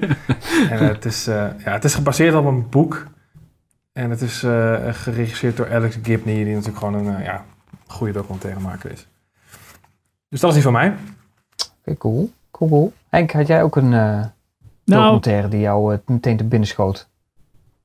Nou, ik ben niet echt een documentaire kijker. Ik kijk het wel, maar ik, ik, heb niet zoiets als Sander, zeg maar. Dat ik een documentaire aanzet, dat ik daarna, zeg maar, helemaal... Oh, wat de fuck was dat? Um, maar als ik er dan eentje moet noemen... Ik zat ook nog te dubben over de social dilemma, maar die vind ik eigenlijk een beetje te... Ja... Ja, een beetje... Ja, niet helemaal leuk hiervoor of zo. Het is een beetje de social dilemma. Daar denk ik, ik dacht wel van, nou, daar denk ik wel heel vaak over na, zeg maar, wat, wat het in heeft gebracht. Maar dat is dan uh, voor gedeelte interviews met oud Google-medewerkers, dat soort uh, oud uh, Pinterest-medewerkers. En verder is een soort van fictief verhaal um, over social gebruik. Maar ik vond, wat ik laatst nog gekeken heb, was The Alive on Our Planet? Zeg ik nou goed? Oh shit. Is dat de nieuwe van David Attenborough? Ja. Die, ja. Uh, is dat een Netflix toch? Of niet? Ja. Uh, even ah. kijken. Ja, David Attenborough, Alive on Our Planet. Uh, die vond ik wel heel erg, ja, ook een beetje verwarmend of zo. Met, met, met David Attenborough die er dan een beetje doorheen praat. En uh, zegt wat er in zijn leven allemaal is gebeurd. En ook wel laat zien hoe het er nu voor staat. Het, het, het, ja. ja. Het is een beetje een memoirfilm eigenlijk. Ja, het is wel heel mooi. Zo van, ik heb dit allemaal zien gebeuren. Maar niet op een, ja, niet dat hij het echt zo erin drukt. Um, maar en ook gewoon met hele mooie beelden natuurlijk. Um, en zijn stem is natuurlijk fantastisch. Hmm. Um, en ook wel een beetje hoop voor de toekomst. Wat, je eigenlijk ook wel wil hebben bij iets wat, ja, je, snapt dat het allemaal een beetje kut gaat allemaal. maar dat er ook nog wel wat hoop is. Dat is wel fijn. Oh, mooi afsluiten zo. Ja, ik had uh, Jodorowsky's Dune had ik, uh, die schoot mij meteen te binnen. Dat is de, eigenlijk de poging om Dune te verfilmen van filmmaker Alejandro Jodorowsky. Dat is een hele bijzondere man. Die maakt hele bijzondere experimentele films in de jaren 70. El Topo was zijn, zijn grootste, zijn bekendste werk in ieder geval. Mm -hmm. Um, en deze man die, die zag in Dune de, de ultieme verfilming. En deze document, de film is uiteindelijk nooit gemaakt. Um, maar de film is wel van heel erg uh, van invloed geweest op films als Alien uh, of uh, soortgelijke films. Dus heel veel dingen van, die ze zeggen, die hij in zijn versie van Dune wilde maken. Die zijn natuurlijk allemaal blijven liggen op de, op de tekentafel. Maar die hebben andere regisseurs er weer uitgepikt en in hun, in hun films verwerkt. Zoals dat, want H.R. Giger, hè, de bedenker oh, ja, van Geiger, Alien, ja, van die, Alien, Alien shit. Ja. Precies. Die heeft ook ineens veel meegewerkt en veel veel dingen ontworpen. En die zitten gewoon letterlijk gewoon in de films van aliens. Dus heel die, nou die film, dat, hij heeft een, uh, zo'n vuistdik boek gemaakt. Met, hij heeft 3000 pagina's laten tekenen met artwork, hoe de kostuums eruit moeten zien. En uh, alleen de documentaire die zoomt dus in dat die poging dus mislukt. Dus ze gaan met, ook met Jorowski zelf uh, in gesprek. En hij vertelt heel gepassioneerd over die film die hij altijd heeft willen maken. Maar hij is gewoon tegengehouden. En waarom hij dan tegen wordt gehouden, dat wordt dan duidelijk. Hè? Want hij jaagt er al 5 miljoen doorheen in de postproductie. Terwijl er nog helemaal niks. Er is nog helemaal niks. Dus hij, dat geld dat, dat vliegt eruit. En hij wil van alles. En hij doet van allerlei beloftes. En hij grote namen. En hij bizar. Want hij heeft uh, uh, zelfs Salvador Dali weet hij zelfs te strikken voor, voor een rol. En dat is wel grappig, want Dali zegt tegen hem van ja, ik doe het, maar ik wil de duurste of de best betaalde acteur worden in Hollywood. Dus ik wil 100.000 euro per, wil ik, per, per uur krijgen. Fucking Dali, ja. Waarop Jodorowsky antwoordt, weet je wat, ik betaal oh, je een ton per minuut als je het doet. Dus uh, Dali zegt, ja, dat is goed, dat doe ik. En uiteindelijk heeft hij, hij zegt van, ah, kom wel goed, want ik heb me gewoon maar drie minuten film voor hem bedacht. Dus ik hoef maar drie ton te betalen. Dus maar... die documentaire zit vol met dit soort quotes en bizarre dingen. En Jodorowsky vertelt zelf over zijn versie van Dune. eh, en ook over die versies van David Lynch natuurlijk. Dat hij natuurlijk helemaal kut vindt. Want dat, dat had natuurlijk niet moeten worden als hij het had mogen doen. Hij had ook een film bedacht van 14 uur. Hè? Even, hij wilde ook gewoon niet knippen. Zelfs eh, de schrijver Frank Herbert. Die zelfs, zei zelfs van jongens wat... What the fuck, weet je. Dit moeten we niet willen. Dit gaat niet goed. Dus, maar hij was zo bevlogen. En uiteindelijk is, eh nou ja, goed, de, de boel gewoon eh, eh, niet financieel rondgekomen, uiteindelijk gecanceld. En het enige positieve daaraan is dus alles terugkomt in Star Wars, Aliens, Flash Gordon, zelfs in Fifth Element zitten dingen. Van Jodorowsky. Dus echt, nou, als je Dune natuurlijk tof vindt, ik weet dat Sander en Pim het heel erg, heel erg tof vinden, heel erg uitkijken naar de nieuwe film. Ja. Deze documentaire is uit 2013. Echt een hele dikke vette aanrader. Ik weet niet waar die te kijken is. Ik heb hem toen op DVD gekeken, eh, via terug geloof ik. Eh, ja, super tof. Maar vooral als je iemand wil hebben die met passie praat over een film die nooit gemaakt is, dan moet je Jodorowsky hebben. Dus Klinkt al vet. is een hele vette documentaire. Dus eh goede vraag voor Ruud. Met eh, leuke antwoorden. Dus eh, dikke aanrader. En Pim. Ja? Je, had, ja, Hm? je hebt het wel gehad over Free Solo. Maar Ja, ik heb het over Free mensen Solo zien natuurlijk niet dat je, het, dat je het in het lijstje hebt gezet. Oh ja, oké. ja, mijn, mijn favoriete documentaire is nu op dit moment is Free Solo.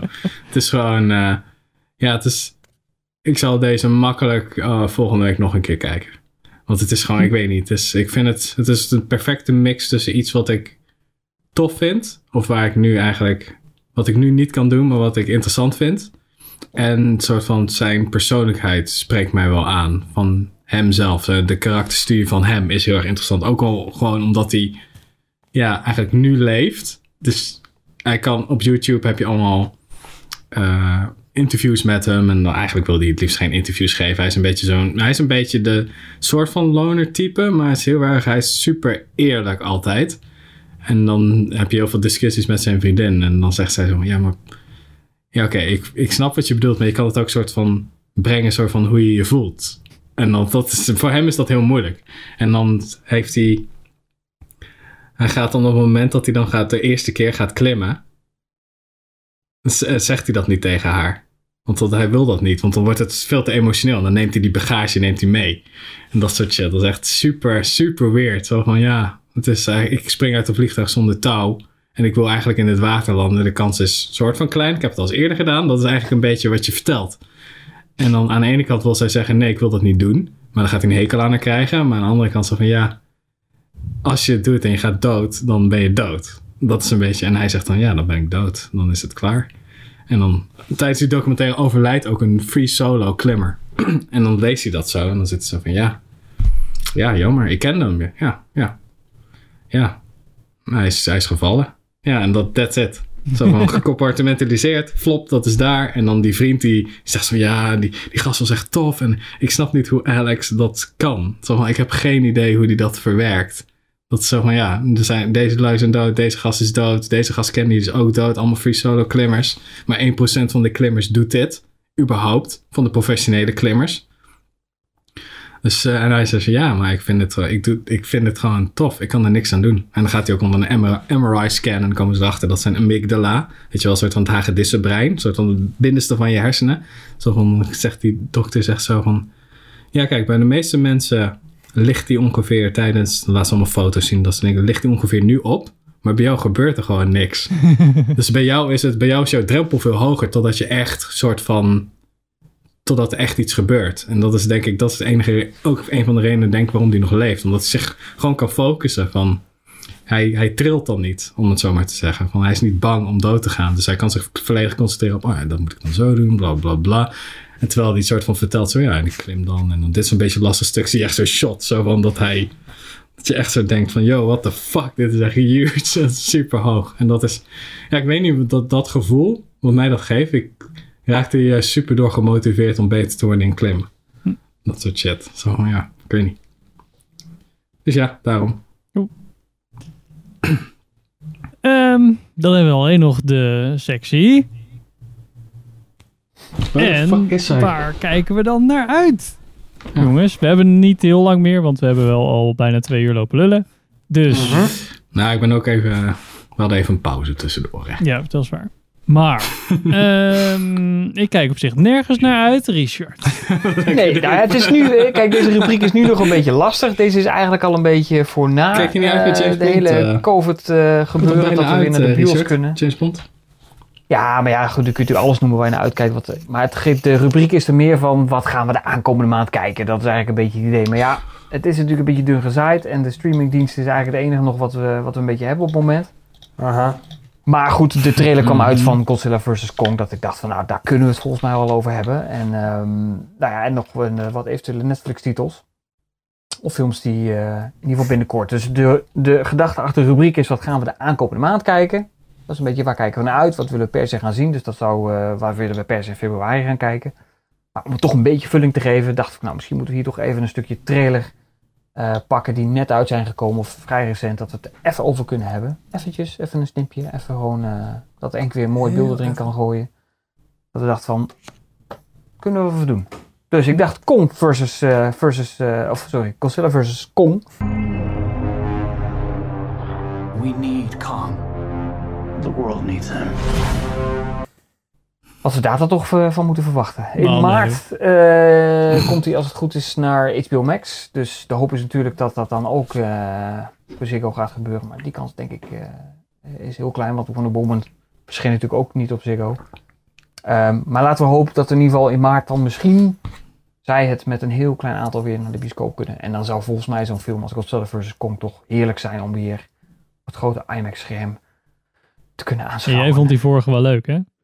Nou, ik vond Godzilla aardig. Ik vond Kong eh, vond ik wel echt vet. Eh, King of the Monsters, eh, de tweede Godzilla film, die viel mij tegen. Ehm, Oh wel. Oh, ik dacht dat, ik Ja. dacht dat je die ook leuk vond.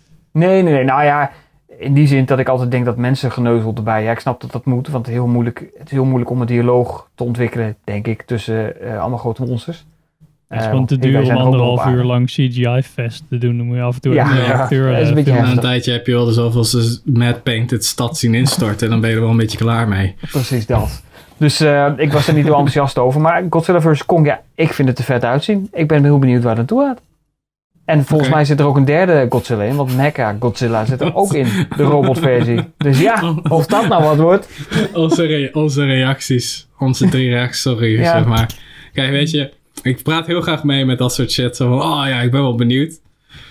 Maar, ja, ik kan het nu niet. niet. Ik krijg het nu niet. Ik- het lukt niet. Het wil gewoon niet. dan. Ja, Ik wil wel, ja, maar het is, lukt niet. weet je, het is... ehm,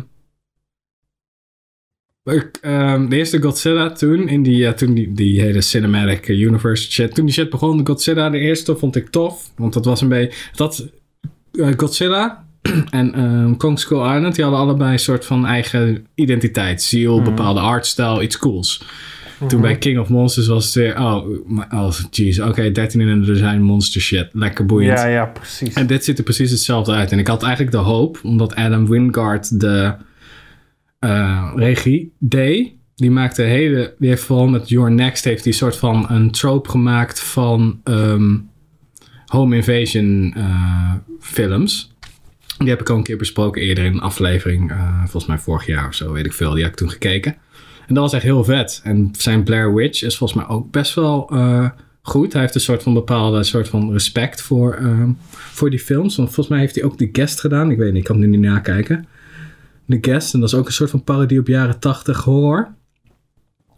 En ik zat echt van, nou hopelijk wordt dat zoiets. Dat een soort van, ja, mee wordt gespeeld. Maar het ziet eruit alsof die film zichzelf heel erg serieus neemt. En dat moet het juist niet doen. Dat deed zelfs de Japanse Hmm. Godzilla popman in pak die rond aan het rennen is, deed dat ook niet. Dus ik zit echt zo van, Jezus Christus, oh mijn god. Oh ja, Mecha Godzilla, nou en. Sorry, dus ja, dat is, dat is een beetje mijn, eh, ja, mijn ding met die film. Ja, nou ja, sluit ik me 100% bij aan. Ja. Nou, dan gaan we toch door naar de volgende, joh. Nobody. sorry. Ik heb de hele tijd het gevoel alsof Ja, joh, een beetje als jij tempo erin kan mij schelen. ja, nee, maar sorry. Ik heb de hele tijd het gevoel als jij wat ergens enthousiast over bent, dat ik meestal degene ben die Ja, het maar- soort van... Die, Ja, maar dat mag ook. Want voor mij hebben we deze discussie vaker. Maar ik word sowieso Ja. altijd heel enthousiast van, van, van dit soort... Oh, kijk, daar gaat de tafel al bijna. Van dit soort Oh, is dingen.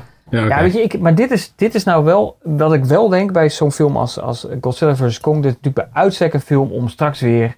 Dat je denkt, hè, we mogen weer naar de bioscoop. We kunnen weer, we hebben weer spektakel. Er is een keer geen Star Wars wat ervoor drukt. We hebben, nou, dit is natuurlijk ook niet heel erg origineel, maar er is weer iets om, om naar uit te kijken. Ik vind dat op zich wel lekker, fijn. Nou, doe dan maar Tune. Wat zeg je? ik wou Doe dan maar. Tune. Ja, maar ja, dat, dat laat nog langer op zich. Ja, maar die ga je gewoon dat nooit ik wagen. Nou, wacht ik wel. Maar dat klopt. Dat is, dat is 100%. Ja, kijk, natuurlijk had ik ook liever No Time to Die gewoon natuurlijk gezien in maart of in, Ja, eh, in mei. Oh, Maar ja, goed, het is wat het is. Eh, laten we hopen dat we er weer eh, naartoe kunnen in de bios. Lijkt, Kijk. lijkt me Toch? ook, ja. Zullen we Dat hem eh, afronden op eh, rond de twee uur? Nou, dat lijkt me een goed Dat plan. mag. Dan gaan we volgende week eens, eh, volgende eens nadenken wat we allemaal kunnen zien in, eh, in maart. In deze rubriek. Dan rest het ons nog om dit te zeggen. Abonneer je nu op ons YouTube-kanaal en volg ons via Facebook en Instagram. Zit ze bij jullie of zo? Ik weet niet waar ze zit. Het is echt... eh, ik weet niet. De telefoon? Nou. Hallo?